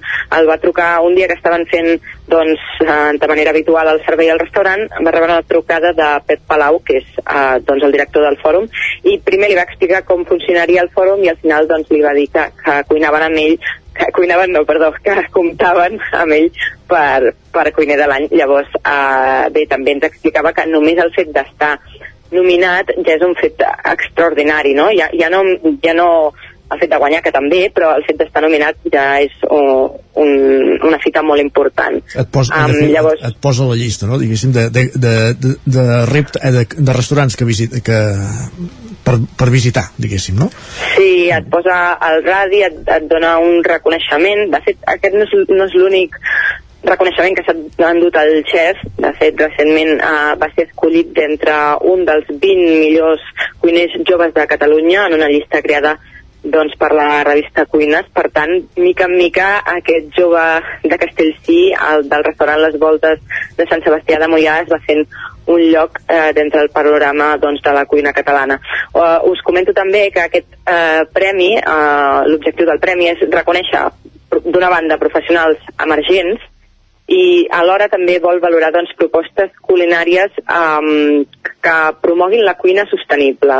No? Llavors, en aquest sentit, um, Fargas també ens explicava que ella aposta no, per, per producte quilòmetre zero i de fet eh, apuntava que la cuina que toquen a les voltes doncs, és, la, és la que ella havia vist eh, fer a les seves àvies, que també són una de les seves referents uh, d'aquest món. Eh, I bé, i, i també en aquest sentit ell va anar a parar precisament a les voltes, on inicialment hi va fer les pràctiques un cop uh, acabats els estudis a l'escola d'hostaleria i va escollir aquest restaurant per una banda per la proximitat i per l'altra banda també pel producte que utilitzen. Molt bé, Caral. Uh, D'acord, doncs uh, perfecte, moltíssimes gràcies per aquesta informació sobre aquest, aquesta nominació de, de Jan Fargas de, de les Voltes que s'afegeix a altres nominacions que hem tingut al territori els últims anys, per exemple a Cal Trunfo, a Mollà o l'Horta de, de Tabertet i a veure si aquest any de, ten, tenim la sort, diguéssim, que, que el guàrdia final es quedi a casa. Gràcies per ser avui amb nosaltres.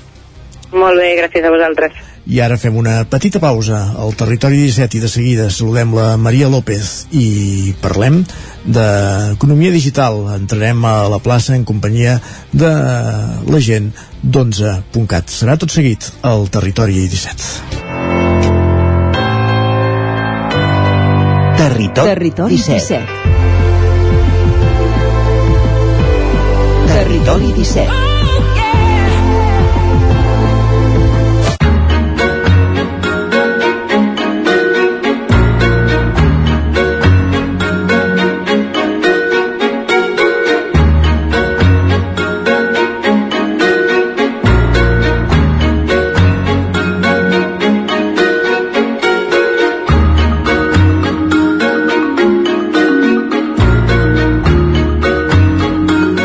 Doncs com dèiem, anem fins a Ràdio Televisió de Cardedeu amb la Maria López. Maria, bon dia.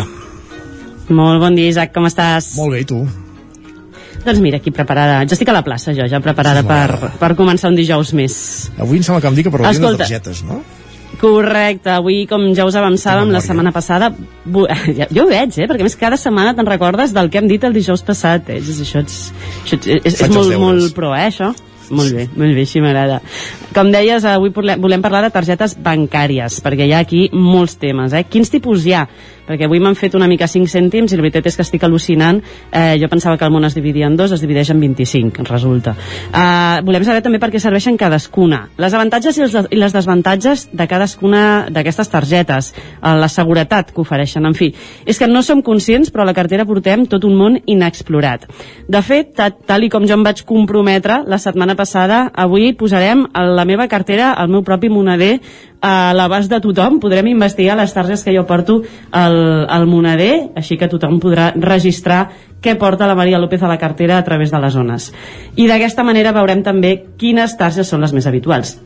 Perquè jo m'he vingut amb la meva cartera, farem tot aquest expositor, Uh, no farem publicitat, només direm de quin coloret és la meva, cadascuna de les meves targetes per no, fer, per, per no donar més pistes i cadascú que pensi el que vulgui.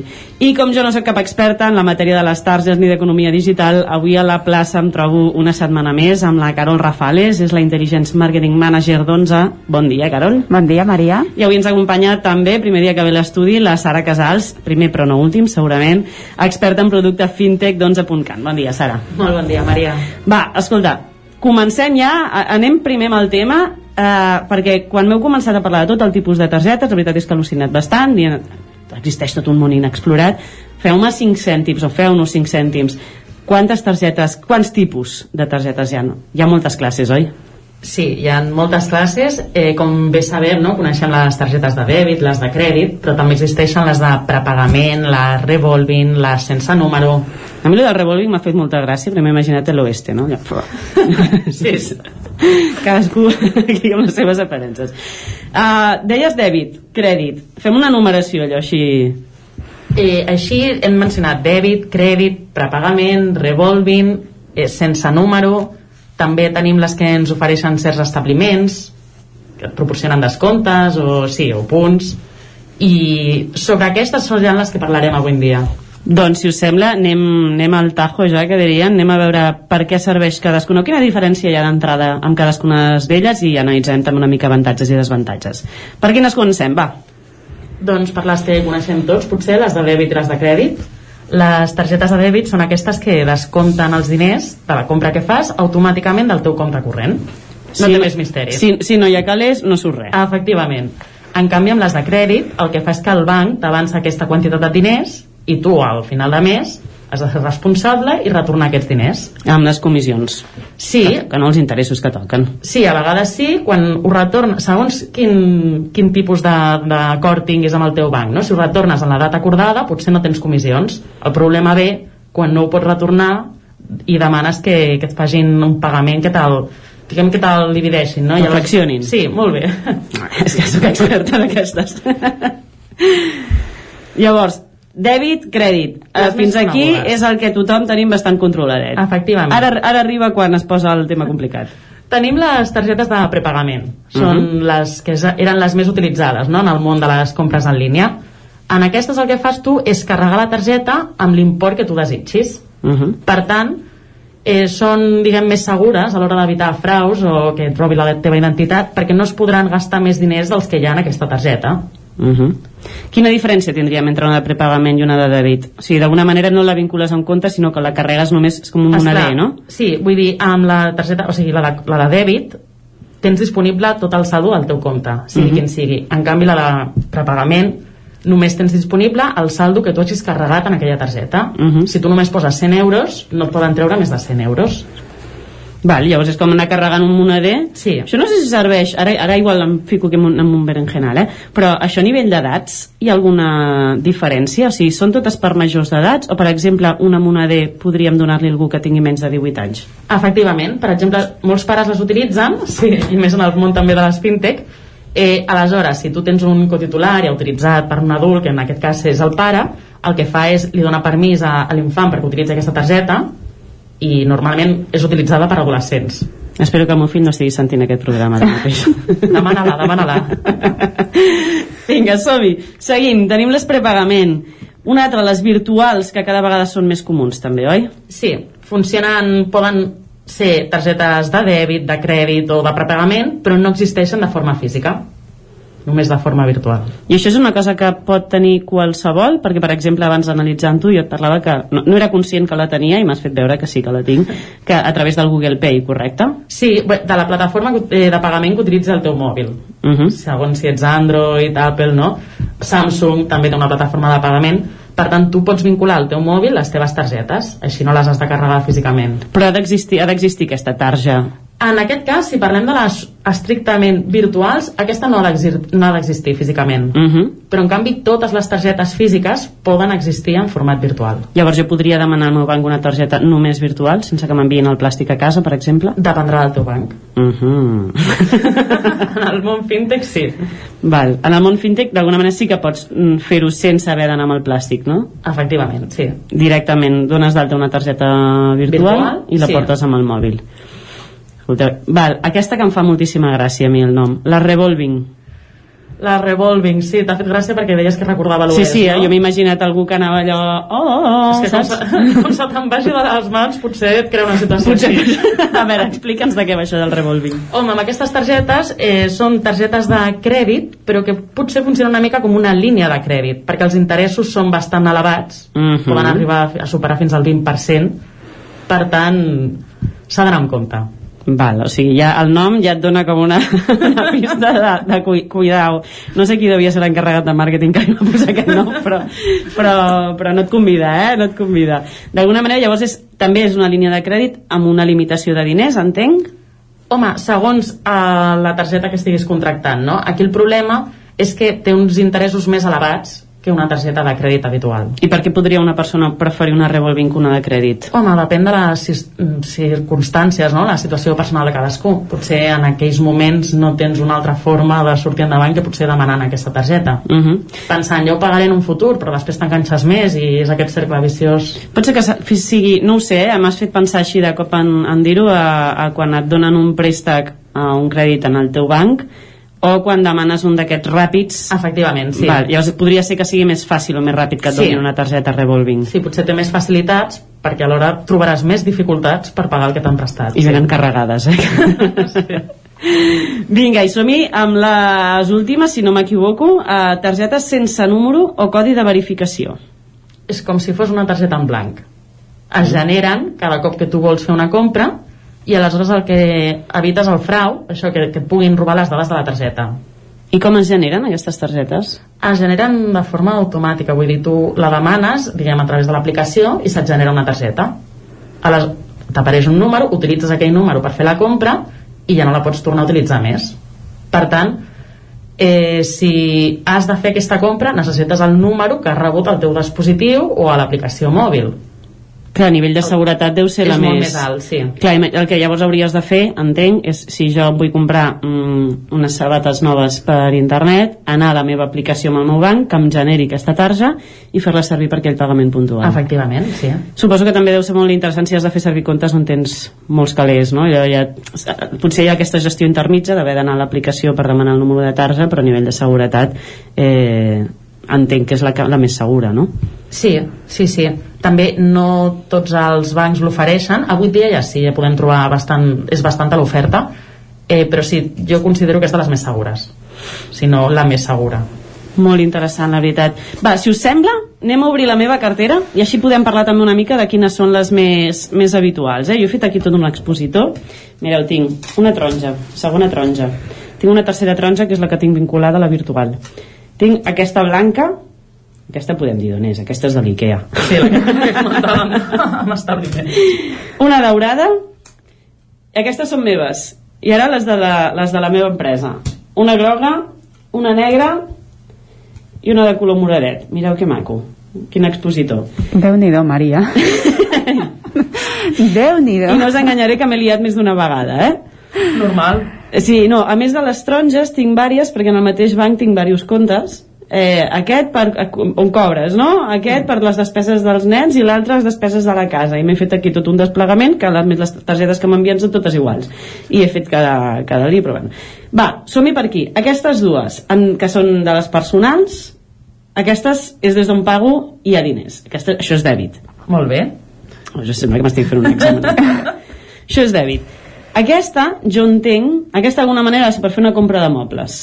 Val? I me la van fer expressament i entenc que és com una línia de crèdit, però Sí. vinculat a un comerç concret. Efectivament. Veig que... No sé si podem mencionar... A Ikea. Ah, no, te Sí. n'ha de dir a Visa. És igual, digues Visa, ja està, ja ho hem fet. eh, si posa Visa crèdit, per tant entenem que és de crèdit i està lligada, vinculada a aquest establiment. Val. El límit el desconec, no et preguntaré, però sí que t'he de dir que he d'anar a l'IKEA. jo. 600 euros en mobles a l'Ikea. Ah, doncs mira, si ja vols. està. Serà compra ràpida. I la daurada, que és del mateix banc que tinc habitual, però aquesta sí que és de crèdit. Sí, normalment els colors ja ens indiquen també... El dorado si és com més pro, no? El nivell, sí, black, gold. Però en el fons no hem sortit del dèbit i el crèdit. No, no hem anat més enllà, eh? I les de l'empresa, aquesta per pagar factures, entenc llavors que és dèbit, van directe al compte, ho carreguen al moment, Sí, si no també a vegades al, al revés de la targeta ho podem veure. Que està No posa? En, no, no ho posa, però entenc que és dèbit perquè posa electron. Val, on posa Electron és dèbit, eh? Sí. Val. Aquesta també entenc que aniria vinculada al comerç, que és quan haig de pagar benzina. Sí. Val, llavors aquesta de benzina vindria a ser com la versió en Ikea, Entenc que sí. d'alguna manera, sí? I aquesta última seria crèdit d'empresa perquè també és la que arriba un cop al mes al final amb totes les despeses Correcte. tan colorito i al final no surto del dèbit i el crèdit eh? millor que no hi hagi cap revolving per aquí, eh, Maria? Ara anàvem una mica aquí. Quines serien les avantatges o avantatges per vosaltres d'unes i altres? Creieu que d'alguna manera m'haig d'obrir una mica més al món de les altres tipus de targes? Jo només et recomanaria les virtuals ara mateix. Virtuals o pot ser prepagament, però més o menys en les virtuals ja adquireixes aquesta seguretat també. Amb el pagament de... Quan diem les virtuals no diem les sense número, eh? Diem el pagament, per exemple, que faig amb el mòbil. Sí. Per què és més segur pagar amb el mòbil que amb la tarja? Eh, mira, te'n recordes que vam parlar fa dues setmanes de les super apps? Sí. Les super apps que per cert 11 ja la té al mercat, ja la pots baixar de, al Play Store. Després li faig una... Sí. un vistazo. Doncs tu tindràs la teva targeta uh -huh. ja dins d'una app, una super app. I això ja et comporta la seguretat que et vaig explicar fa dues setmanes, que només tens... Eh, entres a, un, a una aplicació on tu tens moltíssimes dades amb un sol inici de sessió, això et proporciona una seguretat. Val. Aleshores ja entres dins de la teva targeta virtual i com és virtual no la pots perdre. Sempre tens al teu dispositiu mòbil. Sí que pots perdre el teu dispositiu però la gent no hi podrà accedir perquè tindrà que accedir a la superapp després a accedir a, a la teva targeta. Aleshores no podrà accedir mai en aquesta targeta. Això per un costat. I per l'altre la superapp et permet les targetes virtuals que tu pugues bloquejar-les, desbloquejar-les, establir límits del que tu et vols gastar. O sigui, ets tu un mm, amo total d'aquella targeta. No et cal trucar al banc per a dir mira, me l'han robat, o mira, em pots ficar un límit, o mm, mira, bloqueja-la perquè m'ha passat alguna cosa. No, seràs tu qui ho podrà fer en qualsevol moment. O sigui, en realitat, tot i que a vegades fa una mica de por això de pagar amb el, amb el mòbil, vull dir, crec que amb ma mare, per exemple, això de que em diu, això de pagar amb el mòbil, si et roben el mòbil, què en realitat és més segur, no? Perquè sí. has d'acabar arribant a unes, entrar amb unes claus, etc etc. Sí que si no portes el, el mòbil a sobre o et quedes sense bateria no pots pagar, però qui, qui va sense mòbil avui dia? És com molt estrany, no? En canvi, la tarja sí que en un moment de sostracció suposo que hi ha molts comerços on pots pagar amb la tarja sense posar el PIN. Sí, sí, sí, sí has tens molt més risc. Amb una targeta física tens més risc que en una targeta virtual. I la diferència bàsica entre les de crèdit i les de dèbit, d'alguna manera, són aquests interessos, oi? Sí, i a part les de dèbit has de tenir en compte que tens un control absolut sobre les teves finances. Uh -huh. Saps el que gastes i el que et queda al compte, perquè se't descompta immediatament. Les de crèdit has de ser molt conscient dels gastos que estàs fent, perquè pots tindre sorpreses a final de mes. I les diferències entre el Mastercard i el Visa, d'alguna manera, eh, afecten en alguna cosa o simplement depèn del banc en el que tu estàs? Això depèn del banc, sí. A la pràctica venen a ser el mateix. Tenen el mateix abast, estan acceptades a pràcticament tots els caixers del món, també. És més, el- l'acord que tingui el banc amb aquests proveïdors. Ja per curiositat, sabeu com van aparèixer les, les targetes i quan? Doncs sí, mira, les targetes van aparèixer a principis de segle i va ser per una tonteria. Un senyor va convidar a sopar a uns altres senyors i quan van a pagar doncs no tenia diners, s'havia deixat la cartera a casa. Aleshores això va suposar un problema. Això, això com a truco per no pagar. jo l'he sentit bastant, eh, també. però li va tocar pagar. Va, va haver d'enviar algú a buscar la seva dona que li portés la cartera per poder pagar. I aquest senyor es dedicava al món de les finances i això li va fer pensar en com es podria solucionar un problema com el que li havia passat amb ell. I a partir d'aquí es van crear unes targetes que no són exactament com les que coneixem ara, però que anys més tard, exactament al 1958, els bancs ja van començar a llançar les línies de les targetes de crèdit que coneixem avui dia. Doncs gràcies a un sopar ja no poder convidar els companys avui dia tenim eh, targes de crèdit. A 11 i 2 minuts del matí se'ns acaba la xerrada avui a la plaça. Abans recordeu-me per això de què parlarem dijous que ve aquí a la plaça. Doncs mira, Maria, parlarem de preus i comissions. I deixa'm dir-te que demà sortirem al vespre al Canal 33, per si ens vols veure. Ah, doncs estaré, estaré allà atenta i el dijous vinent eh, ja sabeu preus i comissions. Això em fa posar una mica nerviosa, eh? Crec, si em dóna temps, de cara a dijous que ve em faré una suma del que m'han pujat les comissions en tot un any. A veure d'alguna manera quina xifra, si ens hem d'esgarrifar o no. Així potser serà un programa de por. ja ens apropem a Halloween, eh? Es vagi notant. Uh, escolteu, companys, doncs, com us dèiem, tornarem dijous vinent a la plaça per parlar de preus i comissions. Amb, tata, amb les tanta targeta, doncs, Maria, potser sí que patria jo, eh? Amb tantes targetes Sí? que portes a sobre. Fa una mica de por, jo cada vegada que l'obro dic, mare meva, això ho hem de solucionar, eh? això alguna cosa hem de fer. Ara, ara m'explicaran trucos aquí, a veure com ho haig de fer per, per simplificar una mica la meva vida econòmica. Perfecte, moltíssimes gràcies. Que vagi bé. Gràcies, dijous. Isaac, fins Adéu. dimarts. Adéu. Passen gairebé, 3, passen gairebé 4 minuts de les 11 del matí, moment com cada dia a aquesta hora de recuperar l'actualitat de les comarques del territori 17. Ara mateix, com dèiem, notícies al territori 17. Territori 17, amb Isaac Moreno i Jordi Sunyer.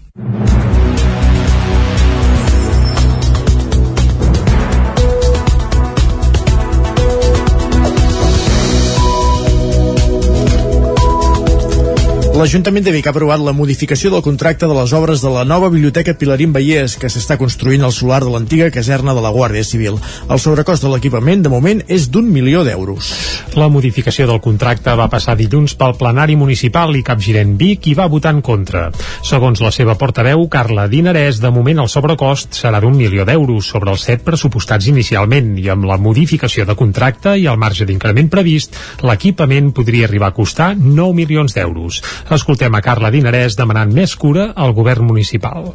que hi hagi un major control, que hi hagi un major rigor i que aquest Ajuntament, com a propietat de l'obra, en certs moments es planti i digui aquí hi ha un contracte i que siguem molt curoses en quant a les modificacions de contracte, perquè no són temes menors, són temes molt importants i aquesta obra, repeteixo, pot acabar amb 2 milions d'euros de més i amb un 24% del, de més del pressupost. La regidora d'Urbanisme, Fabiana Palmero, va atribuir els canvis a qüestions només tècniques i l'alcaldessa Anna R va proposar que la qüestió es tracti de manera monogràfica a la Comissió Municipal de Territori. Escoltem a l'alcaldessa Anna R. i perquè a vegades doncs, surten doncs, aquestes coses que qui està ficat en el món aquest sap que a vegades doncs, pot haver-hi uh, alguns desajustos. Jo em sembla que el millor és que tingueu tota la informació, que puguem fer doncs, aquest monogràfic que jo convido que feu doncs, des de la Comissió de Territori i allà hi puguem doncs, sortir totes les informacions, tots els dubtes i aquí pugui quedar el màxim d'aclarit perquè em sembla que tots tenim clar que és una obra de ciutat i que el que volem és que tots ens hi sentim partíceps i que tots eh, hi, hi sumem en aquest projecte. La nova biblioteca Pilarín Vallès és un dels projectes estrella de l'actual mandat d'Anna R. Inicialment estava previst que l'equipament s'inaugurés la primavera que ve. Més qüestions. L'abandonament escolar és una de les principals problemàtiques en l'àmbit educatiu a Catalunya. Només a Osona, cada curs hi ha més de 700 joves que no segueix els estudis postobligatoris. Per això, la Universitat de Vic i la Fundació Especial Antiga Caixa Manlleu posen en marxa un projecte de mentoria per reduir taxa d'abandonament escolar a la comarca. Osona posa les bases per combatre l'abandonament escolar. De la mà de la Universitat de Vic, Universitat Central de Catalunya i la Fundació Especial Antiga Caixa Manlleu, s'inicia ja en aquest curs un projecte pilot per assajar la mentoria amb una quarantena d'alumnes de tercer i quart d'ESO de cinc centres de secundària, dos a Vic i a Manlleu i un a les Masies de Voltregà. A la comarca, els percentatges d'alumnes que poden acabar abandonant l'escolarització obligatòria es troba dins de la mitjana catalana, però supera ja els 700 anuals.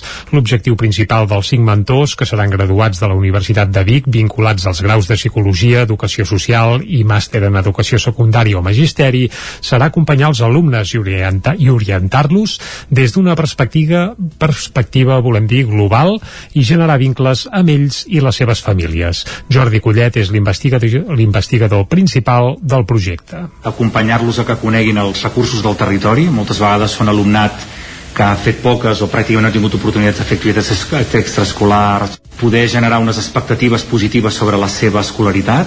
Per tant, eh, construir això que en diem diguéssim, una, una identitat d'aprenent, no? algú que es veu a si mateix com algú que vol estudiar, que té motivació, que li pot anar bé, no cal que tots facin el mateix, tothom pot trobar el seu camí, però és molt important que la gent continuï formant-se en un context d'una societat tan complexa com la nostra, on no tenir cap títol postobligatori, diguéssim, et condemna a possibilitats de pobresa molt altes, a tipus de feina no les més desitjables, etc. La prova pilot del projecte socioeducatiu de mentoria professional per l'èxit educatiu a secundària, aquest és el títol del projecte, s'allargarà fins al 2023. Aquest èxit es definiria com que tots els alumnes puguin graduar-se en l'ESO i obtenir algun títol postobligatori. Miquel Torrents és el president de la Fundació Especial Antiga Caixa Manlleu. Estic segur que amb els ajustaments que vagin calguent i que es vagin trobant el dia a dia, aquest projecte tindrà un gran futur. La Universitat Bigatana i la Fundació fa temps que treballen conjuntament amb ajuts per a estudiants, per a mobilitat internacional, màsters o doctorats. Comencen les obres que duraran un mes per formigonar 11 camins del Ripollès per un import de 206.000 euros. Isaac Muntades, des de la veu de Sant Joan. Aquesta setmana han començat les obres de pavimentació de camins rurals del Ripollès. En total es faran 12 actuacions a 11 camins diferents i se'n beneficiaran 12 municipis. El cost total de l'obra és de 206.250 euros subvencionats per la Generalitat de Catalunya i que permetran formigonar 1,4 quilòmetres de camins d'entre 3 i 4 metres d'amplada i arranjar-los en algun cas. Es farà el camí del refugi d'animals del Ripollès de Ripoll per un cost de 50.000 euros, el camí de Ribamal entre Ripoll i Ugassa per 20.000 euros, el d'Estiula de Can de Bànol, el de Viladonja, les Lloses i el de Set Cases Espinavell per 18.750 euros i el del Callà de Ripoll, el de Collabós de Sant Joan, el de Tobert de Camprodon, el de la Font de la Forcarà de Llanàs, el del dipòsit de Navà a Toses i el de Puig Bassall de Vallfogona per 10.000 euros. Per ara han començat els treballs al camí d'Estiula i el de Viladonja, i en els pròxims dies ho faran la resta. Les obres s'han d'acabar aquest mes d'octubre i precisament el president del Consell Comarcal, Joaquim Colomer, va queixar-se de que han tingut poc temps una vegada més. Un any més, doncs, ens han donat molt poc plaç de temps per poder, doncs, destinar el formigó i per poder fer les actuacions. Gràcies, doncs, que el temps ens està respectant i, doncs, anem a un bon ritme d'execució d'aquestes.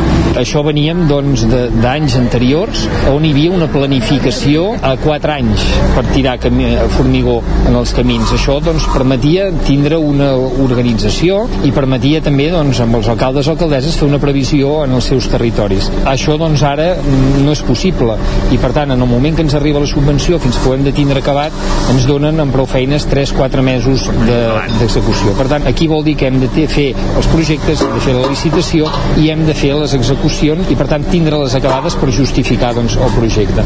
El president de l'ENS va demanar que s'ampliï el termini, tot i que si no plou cada dia no haurien de tenir cap problema per acabar-les. El vicepresident primer del Consell, Enric Pérez, va recordar que es prioritzen els camins en funció d'uns criteris preestablerts. Després de rebre les demandes i sol·licituds dels ajuntaments vam fer una priorització a partir d'uns criteris doncs, que fossin camins d'aquells, primer, doncs, aquells que són com de xarxa bàsica, per dir-ho d'alguna manera, és a dir, que comuniquen nuclis de població o comuniquen eh, diferents nuclis, aquests són els que hem prioritzat, després d'altres doncs, que poden tenir un accés a un servei públic, en aquest cas doncs, tenim un accés a un equipament com el refugi d'animals, o a vegades doncs, hidrants d'incendi, dipòsits d'aigua. El camí d'Estiula que comunica Camp de Bànol amb les Llosses és on es formigonarà més tros amb un total de 230 metres i compleix tots els requisits plantejats per Pérez, a més de conduir a l'ermita d'Estiula. Gràcies, Isaac. El Banc de Sang i Teixits celebra la Setmana Mundial de Donació de Plasma. L'objectiu és que es marquen és arribar a les 1.000 donacions. És per això que han iniciat la campanya de captes. Núria Lázaro, de Ràdio Televisió de Cardedeu. Durant aquesta setmana, Cardedeu és un dels punts per donar sang i plasma. A Catalunya es necessiten 60.000 donacions de plasma anuals per ser autosuficients. Si s'arribés a aquesta xifra, no s'hauria de dependre d'altres països. Actualment, el nombre de donacions ronda als 27.000, una xifra que augmenta any rere any gràcies a la implicació de la ciutadania. Fins ara, moltes persones desconeixien que no és el mateix donar sang o plasma i precisament el plasma és molt important, ja que serveix com a medicament vital per a milers de pacients. Enric Contreras, director assistencial. Per un costat, s'administra directament a la vena com una transfusió qualsevol a pacients, per exemple, que tenen hemorràgies molt greus. Un accident de trànsit, una hemorràgia postpart amb una dona, hemorràgies molt greus perquè les proteïnes que fan que la sang coaguli ajuda amb això. O bé a pacients que tenen defectes de la coagulació per tractar o evitar hemorràgies. Del 4 a l'11 d'octubre, el Banc de Sang i Teixits celebra la Setmana Mundial de Donació de Plasma amb l'objectiu de recaptar 1.000 donacions, una xifra exigent, ja que la donació de plasma és més complexa que la de sang.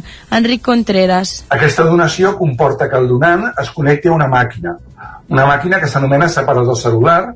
Aquesta màquina divideix la sang, es queda el plasma i retorna al donant les cèl·lules sanguínies.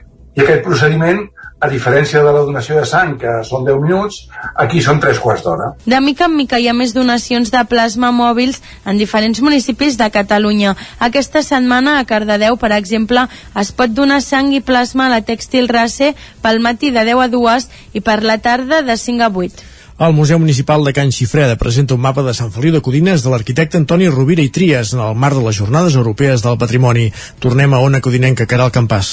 L'acte serà aquest divendres a dos quarts de vuit a la sala d'actes de la Biblioteca Joan Petit Aguilar. Allà es parlarà del primer treball cartogràfic que es coneix d'Antoni Rovira i Trias, un plànol del segle XIX. Francesc Garriga, director del Museu Municipal i ponent de l'acte, explica que l'obra amaga molta més informació de la que es pot veure a simple vista que, esclar, la gent hi passa per davant i diu, mira, un plano de Sant Feliu, però resulta que és ple de coses que donen molta informació de com era Sant Feliu al segle XIX. Uh -huh. Llavors eh, entrarem doncs, en aquests detalls i també explicarem eh, una mica les descripcions anteriors i posteriors al plànol de Sant Feliu, que són descripcions eh, narratives, mentre que el plànol és una descripció gràfica dels carrers del poble. En el marc de les jornades de patrimoni i en motiu del 30è aniversari d'aquestes, presentaran els detalls d'una sola peça concreta, recuperant així l'essència i origen de les jornades europees. La peça, la gènesis, l'entorn, el significat, s'explicava àmpliament aquella peça uh -huh. perquè fos conegut aquell museu per uh -huh. tenir doncs, aquell, aquella cosa no? Uh -huh. I, i aquest era el model inicial el que passa és que en posterioritat doncs s'ha anat, eh, a vegades s'han agafat altres camins, altres temes, eh, s'ha variat una mica l'argument. Des de Vigues i Riells del FAI i d'altres poblacions de la comarca del Moianès també s'han adherit a les jornades amb portes obertes a diferents museus i visites guiades al patrimoni històric. I tornem a Vic, un últim apunt, Jordi. Aquest dijous arrenca la 23a edició de l'Alhambra Festival Jazz Vic. L'encarregat d'inaugurar el certamen serà el pianista barceloní Jordi Sabatés, que actuarà a les 8 del vespre a la Jazz Cava. Exacte, el reconegut pianista Jordi Sabater serà l'encarregat d'obrir la 23a edició amb el tradicional pianíssim, amb més de 50 anys de trajectòria Sabatés és un dels músics més polifacètics que ha donat l'escena musical de l'Estat i oferirà un concert que no us podeu perdre. Demà divendres serà el torn d'Irena Reig Quintet, una de les representants més destacades de la nova generació catalana de músics de jazz. Dissabte arribaran alguns dels plats forts del festival. A les 5 de la tarda, l'escenari Cerveses a l'Ambra, a la plaça del Carbó, el segell Underpool celebrarà la seva referència 50 amb un concert que ha titulat Eso sí se llama querer, una espècie de bolero col·lectiu també molt suggerent. També dissabte es podrà veure l'única actuació a Catalunya del grup escandinau Atòmic en el que és la seva gira de comiat. Després d'exaurir les entrades per la sessió de les 8 del vespre en re en dos dies, s'ha obert una altra sessió nova a dos quarts de deu per a la qual encara queda alguna entrada. El primer cap de setmana del festival es tancarà diumenge a la tarda amb la proposta de Las de Barcelona.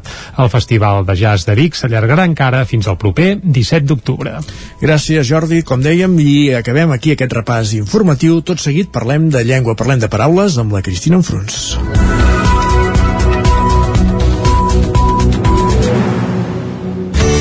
Territori 17. Envia'ns les teves notes de veu per WhatsApp al 646 079 023. 646 079 023. WhatsApp Territori 17.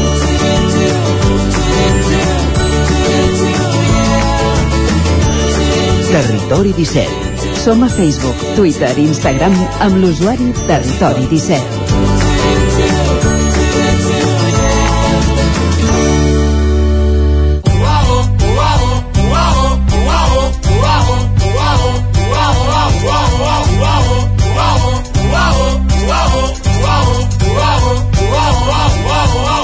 Me sobren paraules agulla, Doncs quan passen dos minuts d'un quart de dotze, saludem la Cristina Enfruns.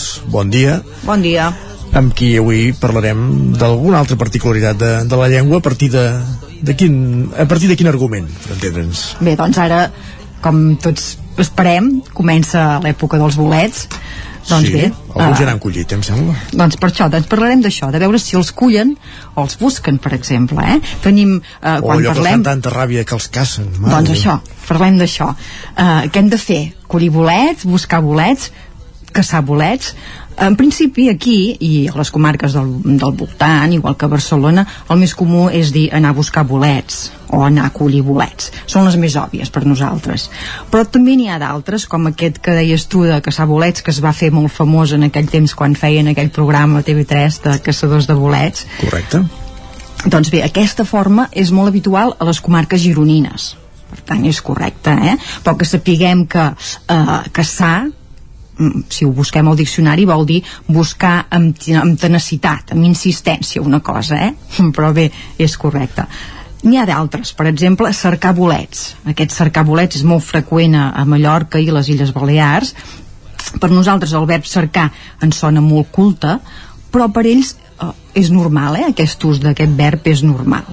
O també mirar bolets, que potser no els sentim sí, massa. És més observatori, és més observació, aquest semblaria, no? Bé, doncs, però és molt pròpia de, del Solsonès i Berga fan servir aquesta expressió o el fer bolets aquest, amb aquesta R que sona que aquesta és pròpia del País Valencià el Garraf o, o el Penedès, eh? anar a fer rovellons, per exemple, també ho fan servir. Per tant, que sapiguem que podem sentir moltes maneres de, de descriure aquest fet. Nosaltres potser ens quedem amb aquest collir, buscar, collir o buscar bolets, són les més pròpies. Els més habituals. I mm, referent a tot aquesta, això hi ha moltes, mm, mm, molts refranys, no? ja que sempre ho relacionem amb els refranys, hi ha molts refranys eh, que fan referència als bolets, com per exemple algun, si trobes una llora al rovelló i és a prop, és a dir, quan no la veiem, el rovelló cerca-li bon companyó, a la trompeta de la mort no li facis mai el sord, vigilem les trompetes de la mort, bolets amb llet i que piquen, si no maten, mortifiquen. Carai. O bé, el bolet i el moixernó de l'octubre és el millor. Aquests serien alguns dels refranys, i n'hi ha molts, eh, referent als bolets i a la tardor. Que, Home, de fet, de que... fet hi ha un, molta afició, per tant també hi ha d'haver molt refrenyer. No? Exacte, doncs sí, senyor. Molt bé. Aquí tenim La, para, la paraula, bueno, la paraula hem començat per l'acció del dia que és anar a buscar bolets i ara imagino que vols una mica de música, oi? Va, anem a per la música.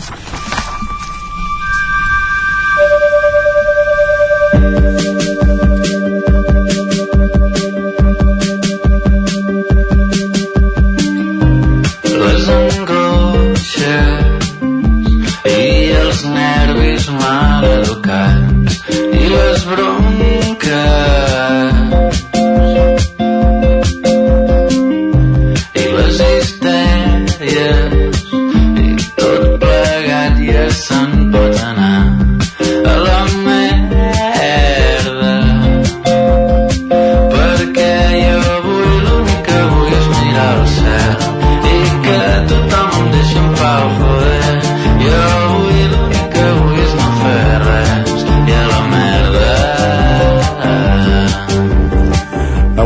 posat una cançó d'en Pau Vallpem, Cristina, sí. i em sembla que ja hem sentit el per què. Aquest... Està molt enfadat, aquest noi. Però bé, sí, Home, pensa que aquest noi va passar tot el confinament tancat amb, ell sempre ho explica, el seu estudi, que és un sòtanos a Barcelona, que s'acabava de separar i l'únic sostre que tenia era l'estudi, on, on, on va, mira, malgrat tot, va fer un disc nou, per tant, mira, aquest és d'un altre, jo diria, eh? És més Ah, sí, vell, eh? exacte. Però, però bé, encara en- en- estava enfadat encara. Però bé, eh, va, anem per, pel que ens toca. Ja només començar, suposo que, que te n'has adonat, que deia les angoixes i els nervis i les bronques. Vigilem amb aquest bronques perquè el, el fem servir moltes vegades i és una paraula castellana. I, per tant, tenim la paraula en català que hauríem... El, són esbroncs o esbroncades, eh? Per tant, aquí ja hi quedaria bé eh? els nervis i els esbroncs, per exemple, eh? Podríem substituir-ho. Per tant, pensem en això, les bronques no les podem fer servir. mira que la tenim assumida, doncs, eh? Sí, sí, sí, doncs bé, tenim paraules que, que, la, que les poden substituir, per tant ja la podem esborrar de, del nostre ús. Molt bé. Un altre, per exemple, quan diu perquè jo avui l'únic que vull és mirar el cel i que tothom em deixi en pau, joder, aquest joder, eh? Que potser aquí a la comarca no, no la fem servir massa, però eh, va bé en molts contextos, eh? Tant podem dir joder quan ens enfadem, ja n'hi ha prou joder, quan ens estranyem, joder, no m'esperava pas això. Quan estem contents, eh, dir, quin, quin gustàs estar de vacances, joder, o quan ens entristim, eh? Mm. això és una merda, joder. Per tant, és un vulgarisme, joder, que hauríem de substituir per un altre mot, com per exemple el nostre collons, coi, cony, mm, són paraules una mica, eh? però bé, que sí, sí. són al diccionari i les podem fer servir i en aquest cas eh, eliminar aquest joder que, que bé, tan vulgars són unes com les altres, però, però algunes són en català, com sí, sí, és sí. això. Hi ha un, hi ha un article de, de Pep Antoni Roig al nacional.cat que es titula 13 maneres de dir joder que agradarien a Pompeu Faràpara i això, eh, posa 13 paraules que podríem substituir, com per exemple hòstia, collons, recoll, nocardis, la mare del Tano, etc etc etc. Eh? Uh -huh. eh, mm, doncs bé, podem escollir-ne alguna d'aquestes, la que ens vagi més bé pel context, i aquest joder doncs això, el Pompeu Fabra estaria ben content de no fer-la servir. I per acabar sí. em porto un altre si tinc temps i tant, mare Déu, tot el que vulguis. Doncs bé, no l'hem sentit eh, perquè quan hem tallat la cançó i encara no havia aparegut però bé, uh, hi és. Quan diu i els pesats se'n poden anar a tomar pel cul ai, ai pel sac igual, eh? també podria ser tomar però bé, aquest tomar que ell mateix ho diu molt, molt reforç en català, quan ens volem desentendre d'alguna cosa de mala manera o fer servir una expressió per engegar algú per rebutjar-lo, per desitjar-li mal podem sí. fer servir altres expressions que no són aquest tomar eh? sinó que seria aprendre pel sac aprendre pel cul, que dèiem també seria bo a tomar vent, a fregir espàrrecs, eh? per tant n'hi ha moltes més aquest tomar és el que hauríem d'evitar, eh? O sigui, per tant, aquest sac ja estaria bé, però suposo que ell ho fa per, per reforçar no? aquesta empipamenta però, sí. però bé doncs, que sapiguem que tenim moltes altres expressions per, per, més per nostrades. Exacte. Perfecte. Doncs bé, si us sembla bé, aquí ho deixem, no? I ho deixem aquí, ho deixem aquí i ho deixem escoltant, reescoltant aquesta cançó d'en de, Pau Vallvé, avui l'únic que vull. Eh, amb ella que marxem, ja que ens ha servit doncs, per fer una part de la secció. Gràcies, Cristina. Vinga, bon vosaltres, dia. bon dia.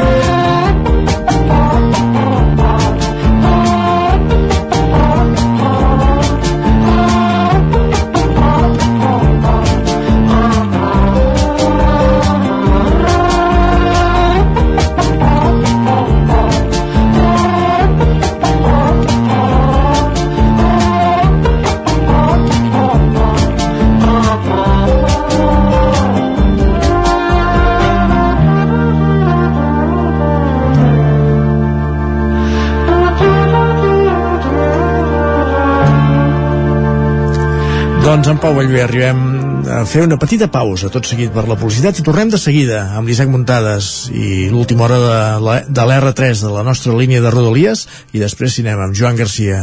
Avui parlarem de Sitges i de, també de la cartellera cinematogràfica a casa nostra.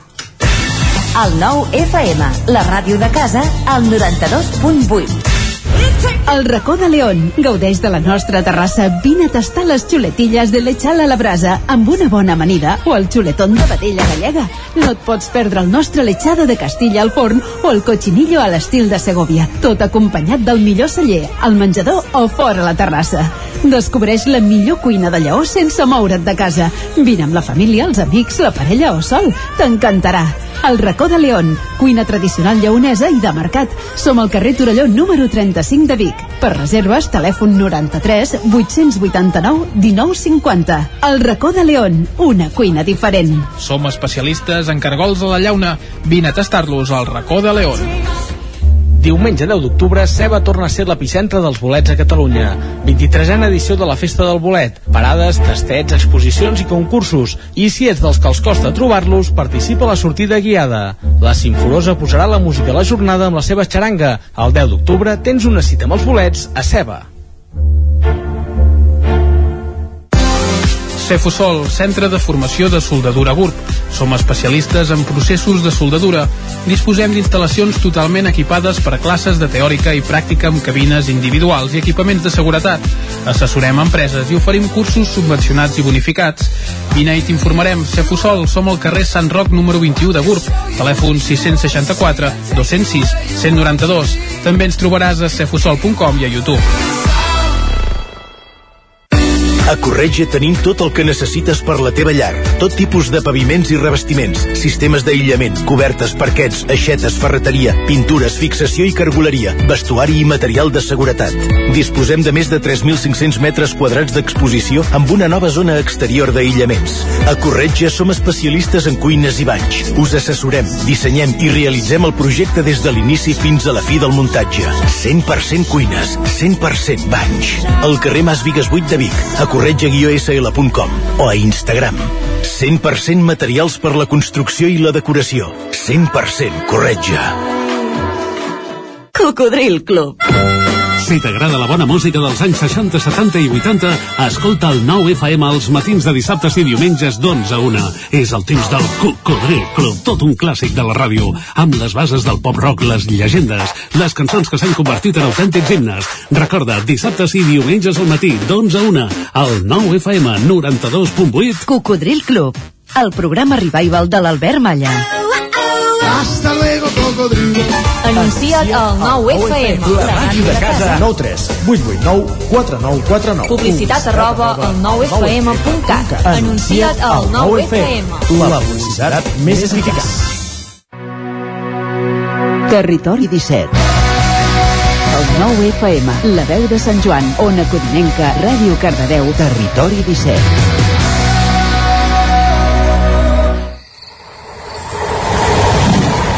A Tren d'Alba. Cada dia els usuaris de la línia R3 de Rodalies que veuen sortir el sol des d'un vagó ens expliquen les gràcies i les penes del primer comboi que uneix Ripoll i Barcelona. Benvinguts a Tren d'Alba. Avui és una nova jornada de vaga Rodalies. Aquesta teòricament no és encoberta. A les franges de 7 a 9 del matí, 12 al migdia, 4 a la tarda i de les 6 de la tarda a les 10 del vespre hi haurà serveis mínims, o això diuen. Avui us portaré una història de la vaga i és que l'usuari Joan Garcia, no confondre'l amb el director de la veu de Sant Joan, ha explicat que Rodalies a Canet, el treballador de la cabina no els ha volgut donar un justificant quan el tren que havia de passar no ha passat per la vaga i el següent, per més INRI, ha vingut tard. A més, assegura que els hi ha parlat malament aquest treballador. Doncs molt malament per aquest servei, la veritat. Rodalies ha contestat que si no és un tren programat com a servei mínim, no poden donar justificant perquè els horaris estan actualitzats a la web i a l'aplicació amb antelació, cosa que dubto que sigui certa, però bé. Tot i això, han dit que farien arribar la seva queixa. Suposo que la trituradora de queixes. L'usuari Pol Sort s'ha afegit a la conversa per preguntar si entre les 7 i les 9 hi havia serveis mínims, que ja veieu que sí. Rodalies deia que hi havia serveis mínims al 85% i que es podien consultar els horaris al cercador d'horaris del web i l'APP una altra vegada. El 85% que màgicament després no arriba al 50%. Esperem que aquesta jornada sigui més plàcida que les anteriors, que encara en queden algunes per endavant i és un autèntic pal. Va, en retrobem demà amb més històries del tren i de la R3. Territori, Territori 17. 17. Territori 17.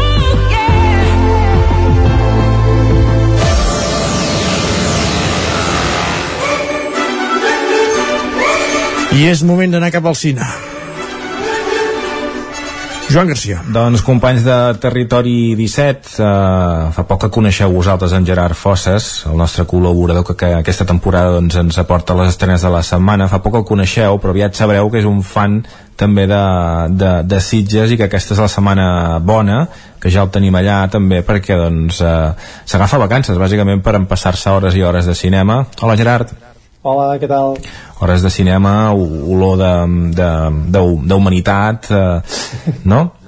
A- Aquest any una mica més que l'any passat, que, que hi havia més restriccions per la Covid, però aquest any crec que tornarà a ser bastant, bastant normal, diguem. Uh -huh. Explica'ns una mica com, com és el teu dia a dia a Sitges.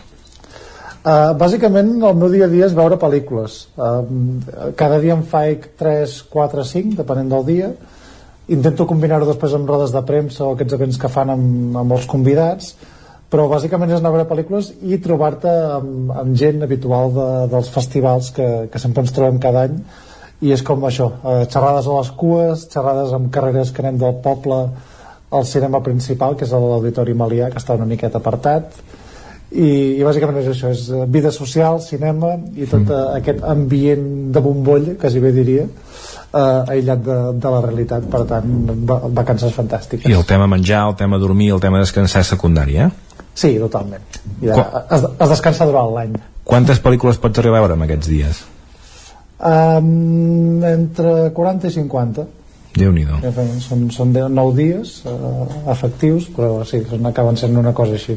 Molt bé, avui és el primer dia de festival, avui ens parlaràs una mica de, en, en futur i entenc que la setmana que ve ja ens podràs fer un repàs del que vas veure. Explica'ns una mica què és el que veuràs aquests dies o, o, o on vols centrar l'atenció d'aquest festival de Sitges. Uh, mira, um, és això, malauradament encara no he pogut veure cap pel·lícula i just eh, d'aquí en breu com entraré a veure la, la pel·lícula inaugural uh, que és eh, Mona Lisa and the Blood Moon uh, pel·lícula d'Anna Lili Amirpur um, és entre britànica uh, israelí i mm, que, que ja va començar fent carrera amb el cinema fantàstic. També presentava Sitges amb uh, una xica vuelve a casa sola de noche una pel·lícula així de vampirs amb- ambientada a Israel en blanc i negre. I aquí torna amb amb una història també de- d'una noia que comença a deambular per, per la nit en, en aquest cas a França si no, si no m'equivoco. Um, i és una noia que té una mena de poders uh, especials diguem, i intenta com fuig d'un centre i intenta com integrar-se al món. Mhm. i veurem què, què tal uh, aquesta aposta per, per Amirpur uh, de cara a la, a la sessió inaugural que els últims anys està sent mm, com a mínim amb estrenes potents. Recordem que fa uns anys van van estrenar amb la, amb la Joven de l'Agua que va acabar guanyant l'Oscar a millor pel·lícula. O sigui que a veure per on va. Mm. Hi ha moltes pel·lícules que quan arriben a Sitges hi ha un, un, un rum-rum que en diuen que, que, que prometen. Quines són les que prometen aquest any? Mira, en destacaré així quatre eh, que, que he vist que, que, que, poden ser interessants. Uh, una és d'Innocents, que és un altre um, diguem, un gir amb, amb aquestes típiques pel·lícules de nens uh, malvats uh, que, que veurem què, què tal és, que per cert també estarà al Festival de Molins de Rei uh, vull destacar també The Amusement Park que és la, una pel·lícula perduda de, de, de George Romero l'inventor dels zombis no? direm així entre cometes i és una, una pel·lícula que, que es va perdre fa temps es va trobar, es va restaurar i ara es passarà aquí a Sitges Um, i dues així propostes més estranyes una és, és Censor que és d'una dona que es dedica a censurar pel·lícules als, als anys 80 Mm. I a, a partir d'aquesta censura diguem que, que comença una investigació arran de la desaparició de la seva germana i, i aquests fragments de pel·lícules fa que comenci a viure una realitat com, com estranya no?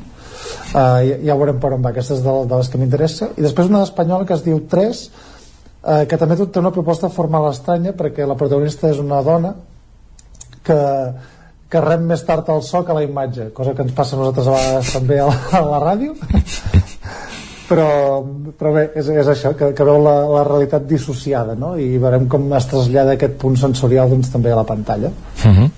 N'hi ha d'altres que ja, ja venen amb guardons, que, que han estat premiades ja i que evidentment també, també són vaja, que també, també hi pararem atenció quines són Uh, mira, són pel·lícules com Erwick, que justament va guanyar dos premis importants al Festival de Donosti, tant millor direcció com, com millor de, pel·líc- pel·lícula, um, que és una noia que té com unes dents de gel, ja, no m'he mirat de què anava per, per entrar al misteri, o Titane, que és uh, pel·lícula de Julia Ducornau que també va estar a Sitges amb Crudo i que va guanyar la Palma d'Or a Cans primera dona que, que ho aconsegueix.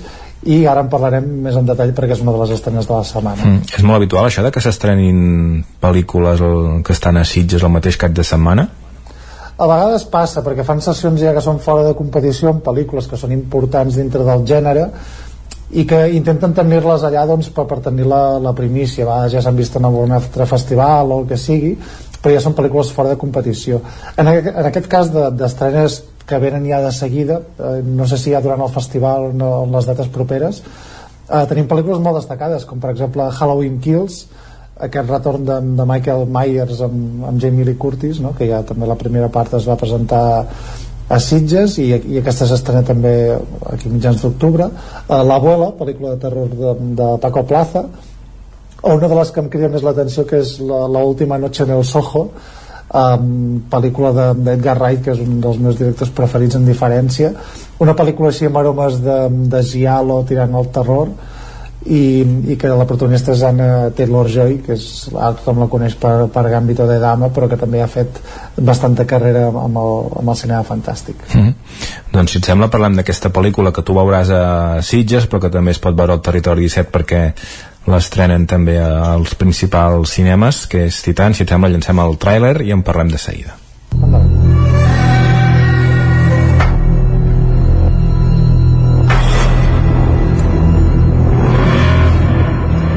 no cal que el deixem gaire estona perquè no hi ha diàleg en aquest, en aquest tràiler. Uh, un tràiler molt suggerent que recomano que, que mireu. Uh, allà et deixa vaja, que no, no saps gaire per on poden anar els trets, a més a més amb personatges que no saps quina relació tenen. I amb cotxes i amb, no sé, explica'ns una mica què és això.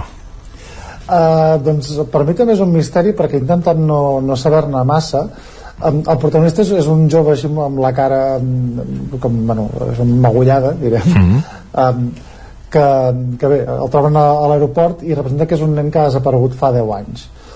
Um, a partir d'aquí uh, amb aquesta tornada a casa uh, comencen una sèrie de, de misteris a la regió que hi ha assassinats, històries vàries i acompanyem en, aquest noi per una mena de, de viatge estrany com, com tirant al deliri. Uh, em sembla que és una pel·lícula bastant um, que es mou a partir de les imatges, que no segueix molt la, la trama, i, i el que és interessant, i crec que està relacionat amb la pel·lícula anterior d'aquesta directora, és que a, aquest, aquesta pulsió violenta doncs, està lligada molt també a la sexualitat. Uh, intenta parlar molt a través del feminisme, això de, de, de la sexualitat, com ens expressem a través d'això, um, aquestes mirades sense prejudicis, de coses que tenen a veure amb el gènere també, i a veure com, com aglutina això en aquesta pel·lícula de terror que sembla de tenir imatges bastant, bastant potents I no per un nivell de violència però sinó eh, més d'aquestes que se't queden a la retina uh mhm. -huh. i amb, amb èxit de, de crítica que això a vegades també costa no? que, uh mhm. -huh.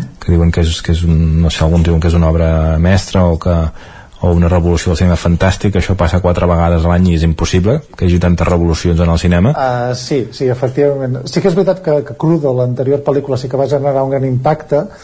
Um, el fet que aquesta hagi estat premiada a Cannes és molt rellevant.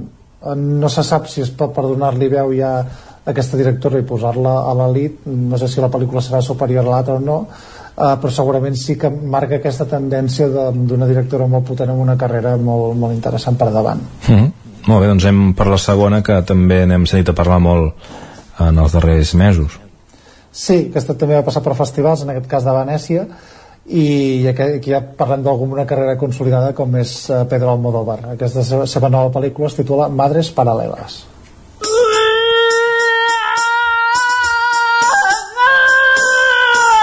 A mí me encanta la idea de tener un hijo contigo, Yanis, pero no sé si puedo permitírmelo ahora. No es cuestión de si podemos permitírnoslo. Es cuestión de que ya está aquí. Si vuelve aquí no hará sino remover las cosas. Yo no puedo perder esta oportunidad. Si dejo la compañía no volveré a trabajar nunca más. Pues vete de gira. Es muy morena como tú. Es muy morena. En caso de duda, la única solución es hacerse una prueba. Yo no tengo dudas. Pero yo sí. No, mi amor, basta. Cada vez la veo más étnica, ¿eh? Yo solo me acosté con Arturo. Pues tú esa de tu padre. Uy, esos barquillos. El tiempo que hacía que no los veía. Oye, ¿tú has pelado patatas alguna vez? ¿Me estás ofreciendo que trabaje aquí? ¿Y qué tengo que hacer? Pues cuidar de Cecilia y de la casa. Bueno, yo encantada de fotografiar zapatos y cinturones. Hija, me da cosa que tú eres demasiada fotógrafa para esto. Però Mm, molt bé, il·lustra'ns una mica. A veure, aquí Pedro Almodóvar, diguem que recupera aquella sensibilitat um, ja més profunda de pel·lícules com Volver o com Todo sobre mi madre, i en aquest cas um, les protagonistes són dues dones d'edats dif diferents, no? la protagonista és Penelope Cruz, um, um, que, que, que estan embarassades diguem, involuntàriament però que decideixen tenir el fill uh, i es troben uh, amb una consulta i diuen que comencen a, a parlar i a partir d'aquesta història doncs el Modovar intenta fer una, una barreja que, que té a veure tant amb la maternitat no? el que representa també el futur i li serveix alhora per, per fer com un exercici de, de memòria històrica no? um, és un, una aposta molt, molt ambiciosa per, per part de Pedro Almodóvar i realment li, ha quedat una de les pel·lícules més, més sensibles segurament de, de la seva carrera en, uh, s'aparta una mica també de Dolor i Glòria no? que aquí sí que es, es mirava molt a si mateix parlava molt de si mateix i aquí dins diguem, diguem que intenta un altre cop explorar l'univers femení com, com també ha fet altres vegades i, i alhora parlar de, de la història d'Espanya no? que és com, com una combinació molt, molt ambiciosa i, i és interessant com aconsegueix aquest equilibri de, de fer una història tan global però anar-la traslladant sempre a la, a la intimitat no? i mm. a través del diàleg entre aquests, aquestes dues protagonistes doncs es, es va desenvolupant uh, això, el melodrama que és el que acaba enganxant emocionalment al, al públic Mm -hmm. ja, ja es comença a parlar també de noves pel·lícules de Pedro Almodóvar aquesta setmana es va parlar de, de que podria dirigir Kate Blanchett uh, en manual per a senyores de la limpieza una adaptació d'una obra de Lucía Berlín que, que ja va anunciar l'any passat però vaja, ara hem sabut aquest possible nom d'actrius que, que hi podrien sortir doncs seria una magnífica combinació la veritat mm -hmm. Molt bé, abans d'avançar dir que aquesta setmana es va presentar el, el festival Protesta que doncs encara queden setmanes una setmana perquè, perquè arranqui. Ho farà el dia 15 d'octubre amb una inauguració oficial amb, amb un monòleg de, de Napolo Oye Sherman i també doncs, amb la projecció de ja la primera pel·lícula de Shadow Game. Com que queda una setmana hi haurà temps de parlar-ne i, i ho faran també els companys del, de Vic del Territori 17 per tant que, que ho deixem aquí ja, ja en parlarem més endavant també. I ara si et sembla anem a fer un repàs de la resta de la cartellera.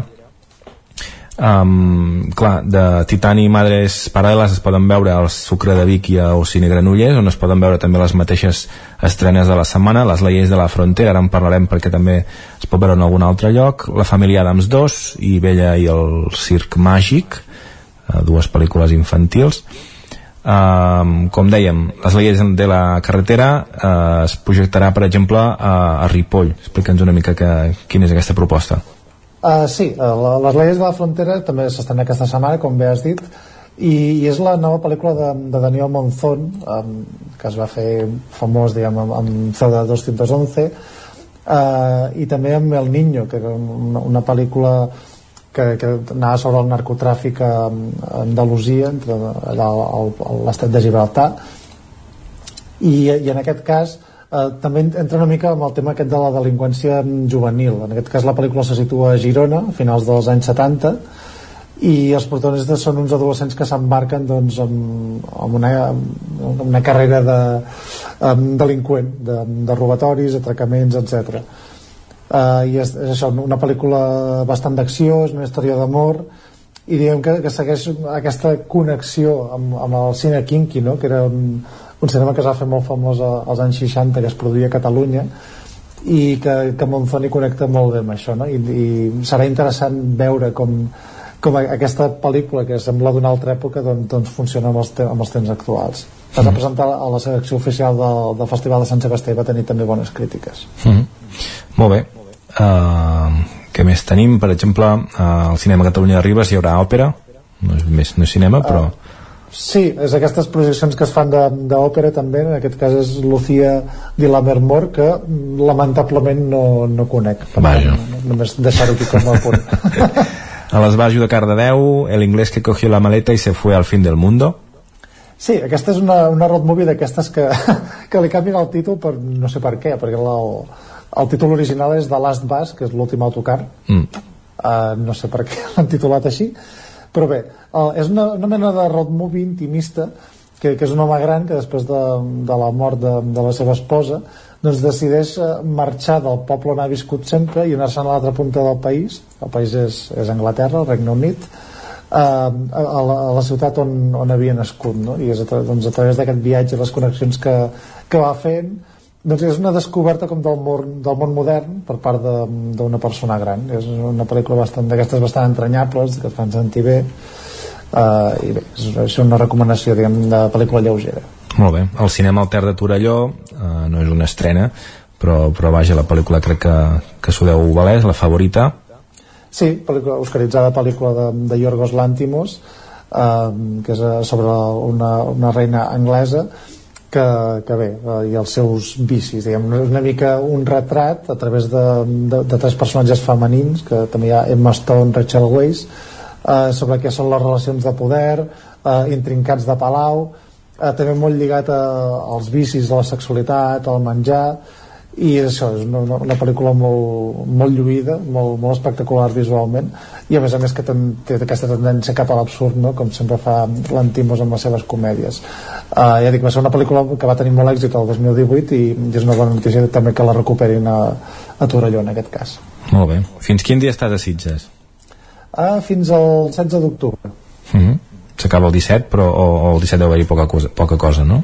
Sí, passa que el 17 ja no ens deixen entrar amb, amb, amb coses de premsa ja només és dedicat al públic. Mm -hmm. uh, per tant bé, uh, diguem que el 17 ja és el dia de descans. Molt bé. Menja, dorm, Sí, Gerard, ui, t'abriga't a la nit.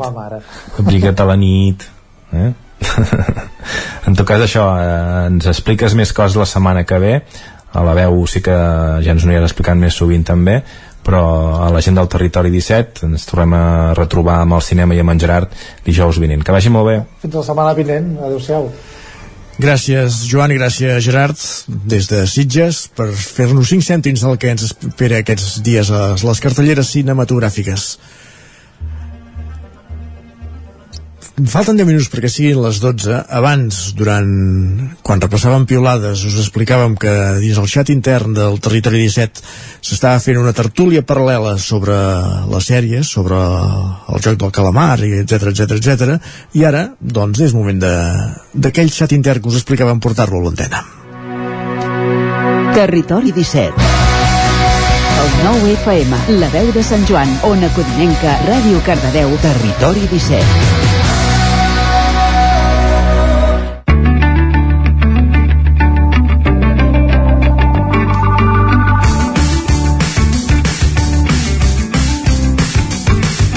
Isaac Muntades, bon dia de nou. Bon dia, Isaac, bon dia. Com estàs?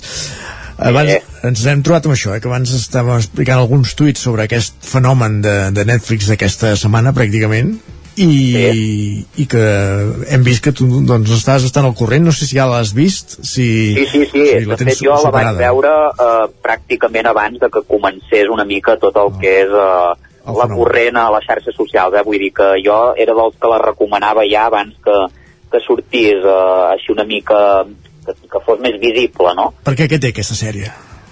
Ostres, en, enganxa molt. Jo per mi és la millor sèrie d'aquest any. Si l'any passat eh, va ser Gambito de Dama, eh, aquest any clarament és aquesta.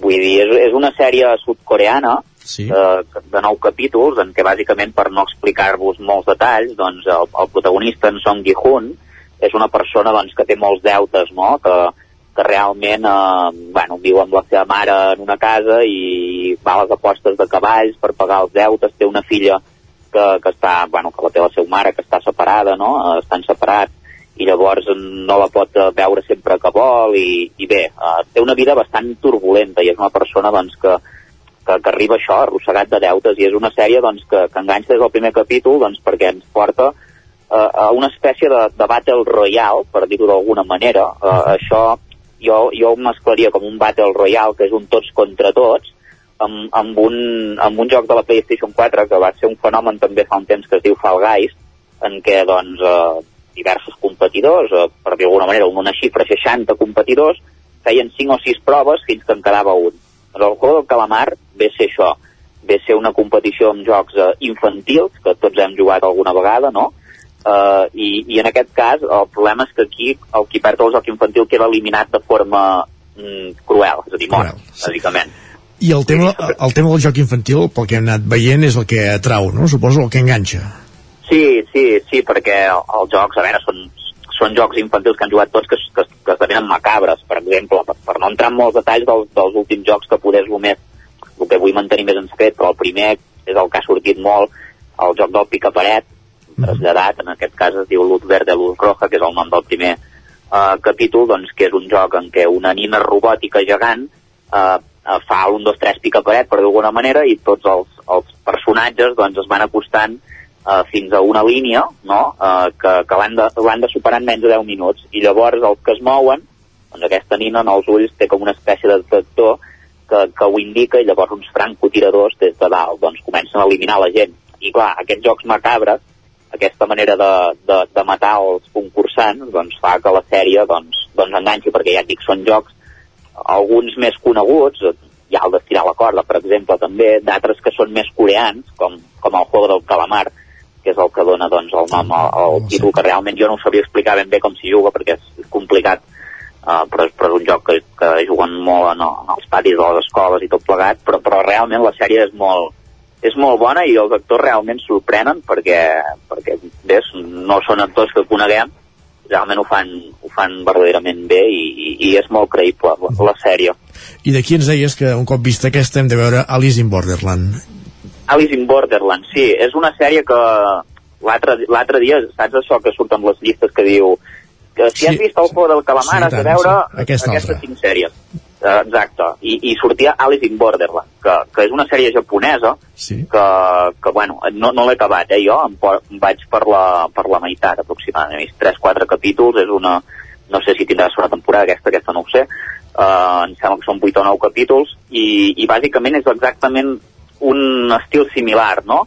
És una sèrie japonesa en què tres nois queden atrapats en el que seria com una espècie de videojoc, encara, encara no descobert ben bé exactament què és, i també doncs, van, van fent proves, no? Tenen uh, un telèfon mòbil que els diuen on, on poden jugar en aquests jocs, que també són macabres, uh, més no poder, uh, n'hi ha de tot tipus, també de lògica, més infantils i això, i, i bé, també se suposa que han d'anar morint. En aquest cas no és que hi hagi un guanyador allò clar, sinó no, no va d'eliminació, perquè va entrant gent en el joc i, i va jugant, no? I llavors és una mica aquest, aquest perfil. Per tant, si us agrada el Juego Calamar, jo suposo que amb aquesta sèrie qui, qui se la miri li recordarà, li recordarà molt. També n'hi ha d'altres que, que ara mateix encara no he vist, però que també tenen aquest estil. Vull dir que, que, que està bé. És, és un fenomen que agrada, sobretot perquè en el món dels videojocs també es fa molt extensiu i molta gent jove doncs també mm, poder ho ha vist una mica reflectit, no? Ara anar a fer pregun faig preguntes, jo vaig fent preguntes de, de Boomer, de fet, perquè també Sí. ens, de, ens deies abans, el joc del calamar ve del Failways de la PS4. Eh, no sé, ve, ve d'un joc d'ordinador, per tant, aquesta sèrie? de, de, de consoles, sí, bueno, jo, jo per mi sí, vull dir, a veure, està inspirat clarament, el Fall Guys és un joc que ja us comento, eh, és una espècie de, de Battle Royale en què només sobreviu, doncs, una persona que és la que guanya i, i, i fan com, si no recordo malament, 5-6 proves, vale, en, en el Guys i a cada prova es va eliminant gent, doncs hi ha una prova d'arribar primer en, en un lloc concret, no? passant per una sèrie d'obstacles. Els que no arriben amb el temps o arriben últims queden eliminats. Després hi ha proves per equips també, eh, que s'eliminen els equips perdedors i al final pràcticament queda com una prova de sobreviure que poder queden 10 o 12 personatgets d'aquests curiosos, els Fall Guys, Mhm. diguéssim, i només en queda un, que és el, que és el guanyador. D'acord. Doncs, eh, parlant de, del Juego del Calamar, tu ens deies que per tu és de tros la, la sèrie de, de l'any a Netflix. Eh, sí. Aquesta setmana sentia que fins i tot la mateixa, eh, mateix, a Netflix mateix ha sorprès la, la resposta que ha tingut dels usuaris a, a, aquesta, a aquesta sèrie. Tu quan deies que ja la vas veure abans de, del boom, abans de la, de la onada, ja et, et veies a venir un, un, un boom així o pens, pensaves que, que passaria més desapercebuda? Clar, eh, quan comences, jo, jo com que miro molt, tinc la meva aplicació i de tant en tant em miro les sèries que hi ha i començo a dic, hòstia, el juego del calamar, home, pensava que podia tenir el seu espai. no pensava que fos un boom tan gros, però pensava, dic, hòstia, és una sèrie que enganxa molt, saps? Que acabes de veure un capítol i vas veure el següent. Tampoc són capítols excessivament llargs. Van des dels 50 i pico minuts o no, a, a un concret que en té 30, vull dir, enganxa molt, et venen ganes de saber què passa, no? I, i realment jo me la vaig acabar en 4 o 5 dies. Vull dir que és una sèrie que, que realment és, és un boom, va ser com Gambito de Dama l'any passat. Sí, aquesta sí que Penso recordo. que, Uh -huh. que aquesta sí que va transcendir molt i en el de Calamar en aquest cas crec que és de les més vistes de, vaja, d'aquest any. Si no, és una sorpresa va ser una sorpresa per Netflix. Les sèries coreanes i d'aquest estil potser no són les que s'estilen més però quan en surt una de fet hi va haver una pel·lícula Paràsitos que va guanyar l'Oscar. Correcte. vull dir, vull dir que bueno, tenen, tenen el seu públic. Jo penso que se'ls ha de donar una oportunitat. I, i com a anècdota res dir que un dels personatges del Juego de Calamar farà eh, de, farà de Berlín el personatge de la Casa de Papel en una sèrie que faran de la Casa de Papel a Corea l'adaptació, vull dir que mira la plataforma li ha servit Molt bé, doncs moltes gràcies Isaac per completar-nos aquesta estona parlant de, de sèries i d'aquest fenomen de, de la setmana Netflix. a vosaltres Vinga, vagi bé. adeu Ja ho veieu, Isaac Montades, que tant ens fa anàlisis de futbol com de sèries. Amb ell arribem a la recta final del Territori 17 d'avui. Núria Lázaro, Òscar Muñoz, Isaac Montades, Caral Campàs, Guillem Sánchez, Maria López, Cristina Enfruns, Joan Garcia, Gerard Fosses, Jordi Senyor i Isaac Moreno. Són qui us hem acompanyat des de les 9 del matí fins ara, pràcticament les 12. I tornem demà a la mateixa hora, que acabi d'anar molt bé aquest dijous.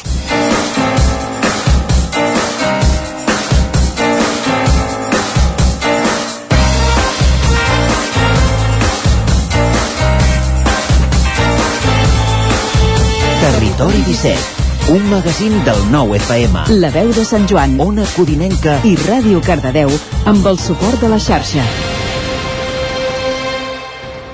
El nou FM.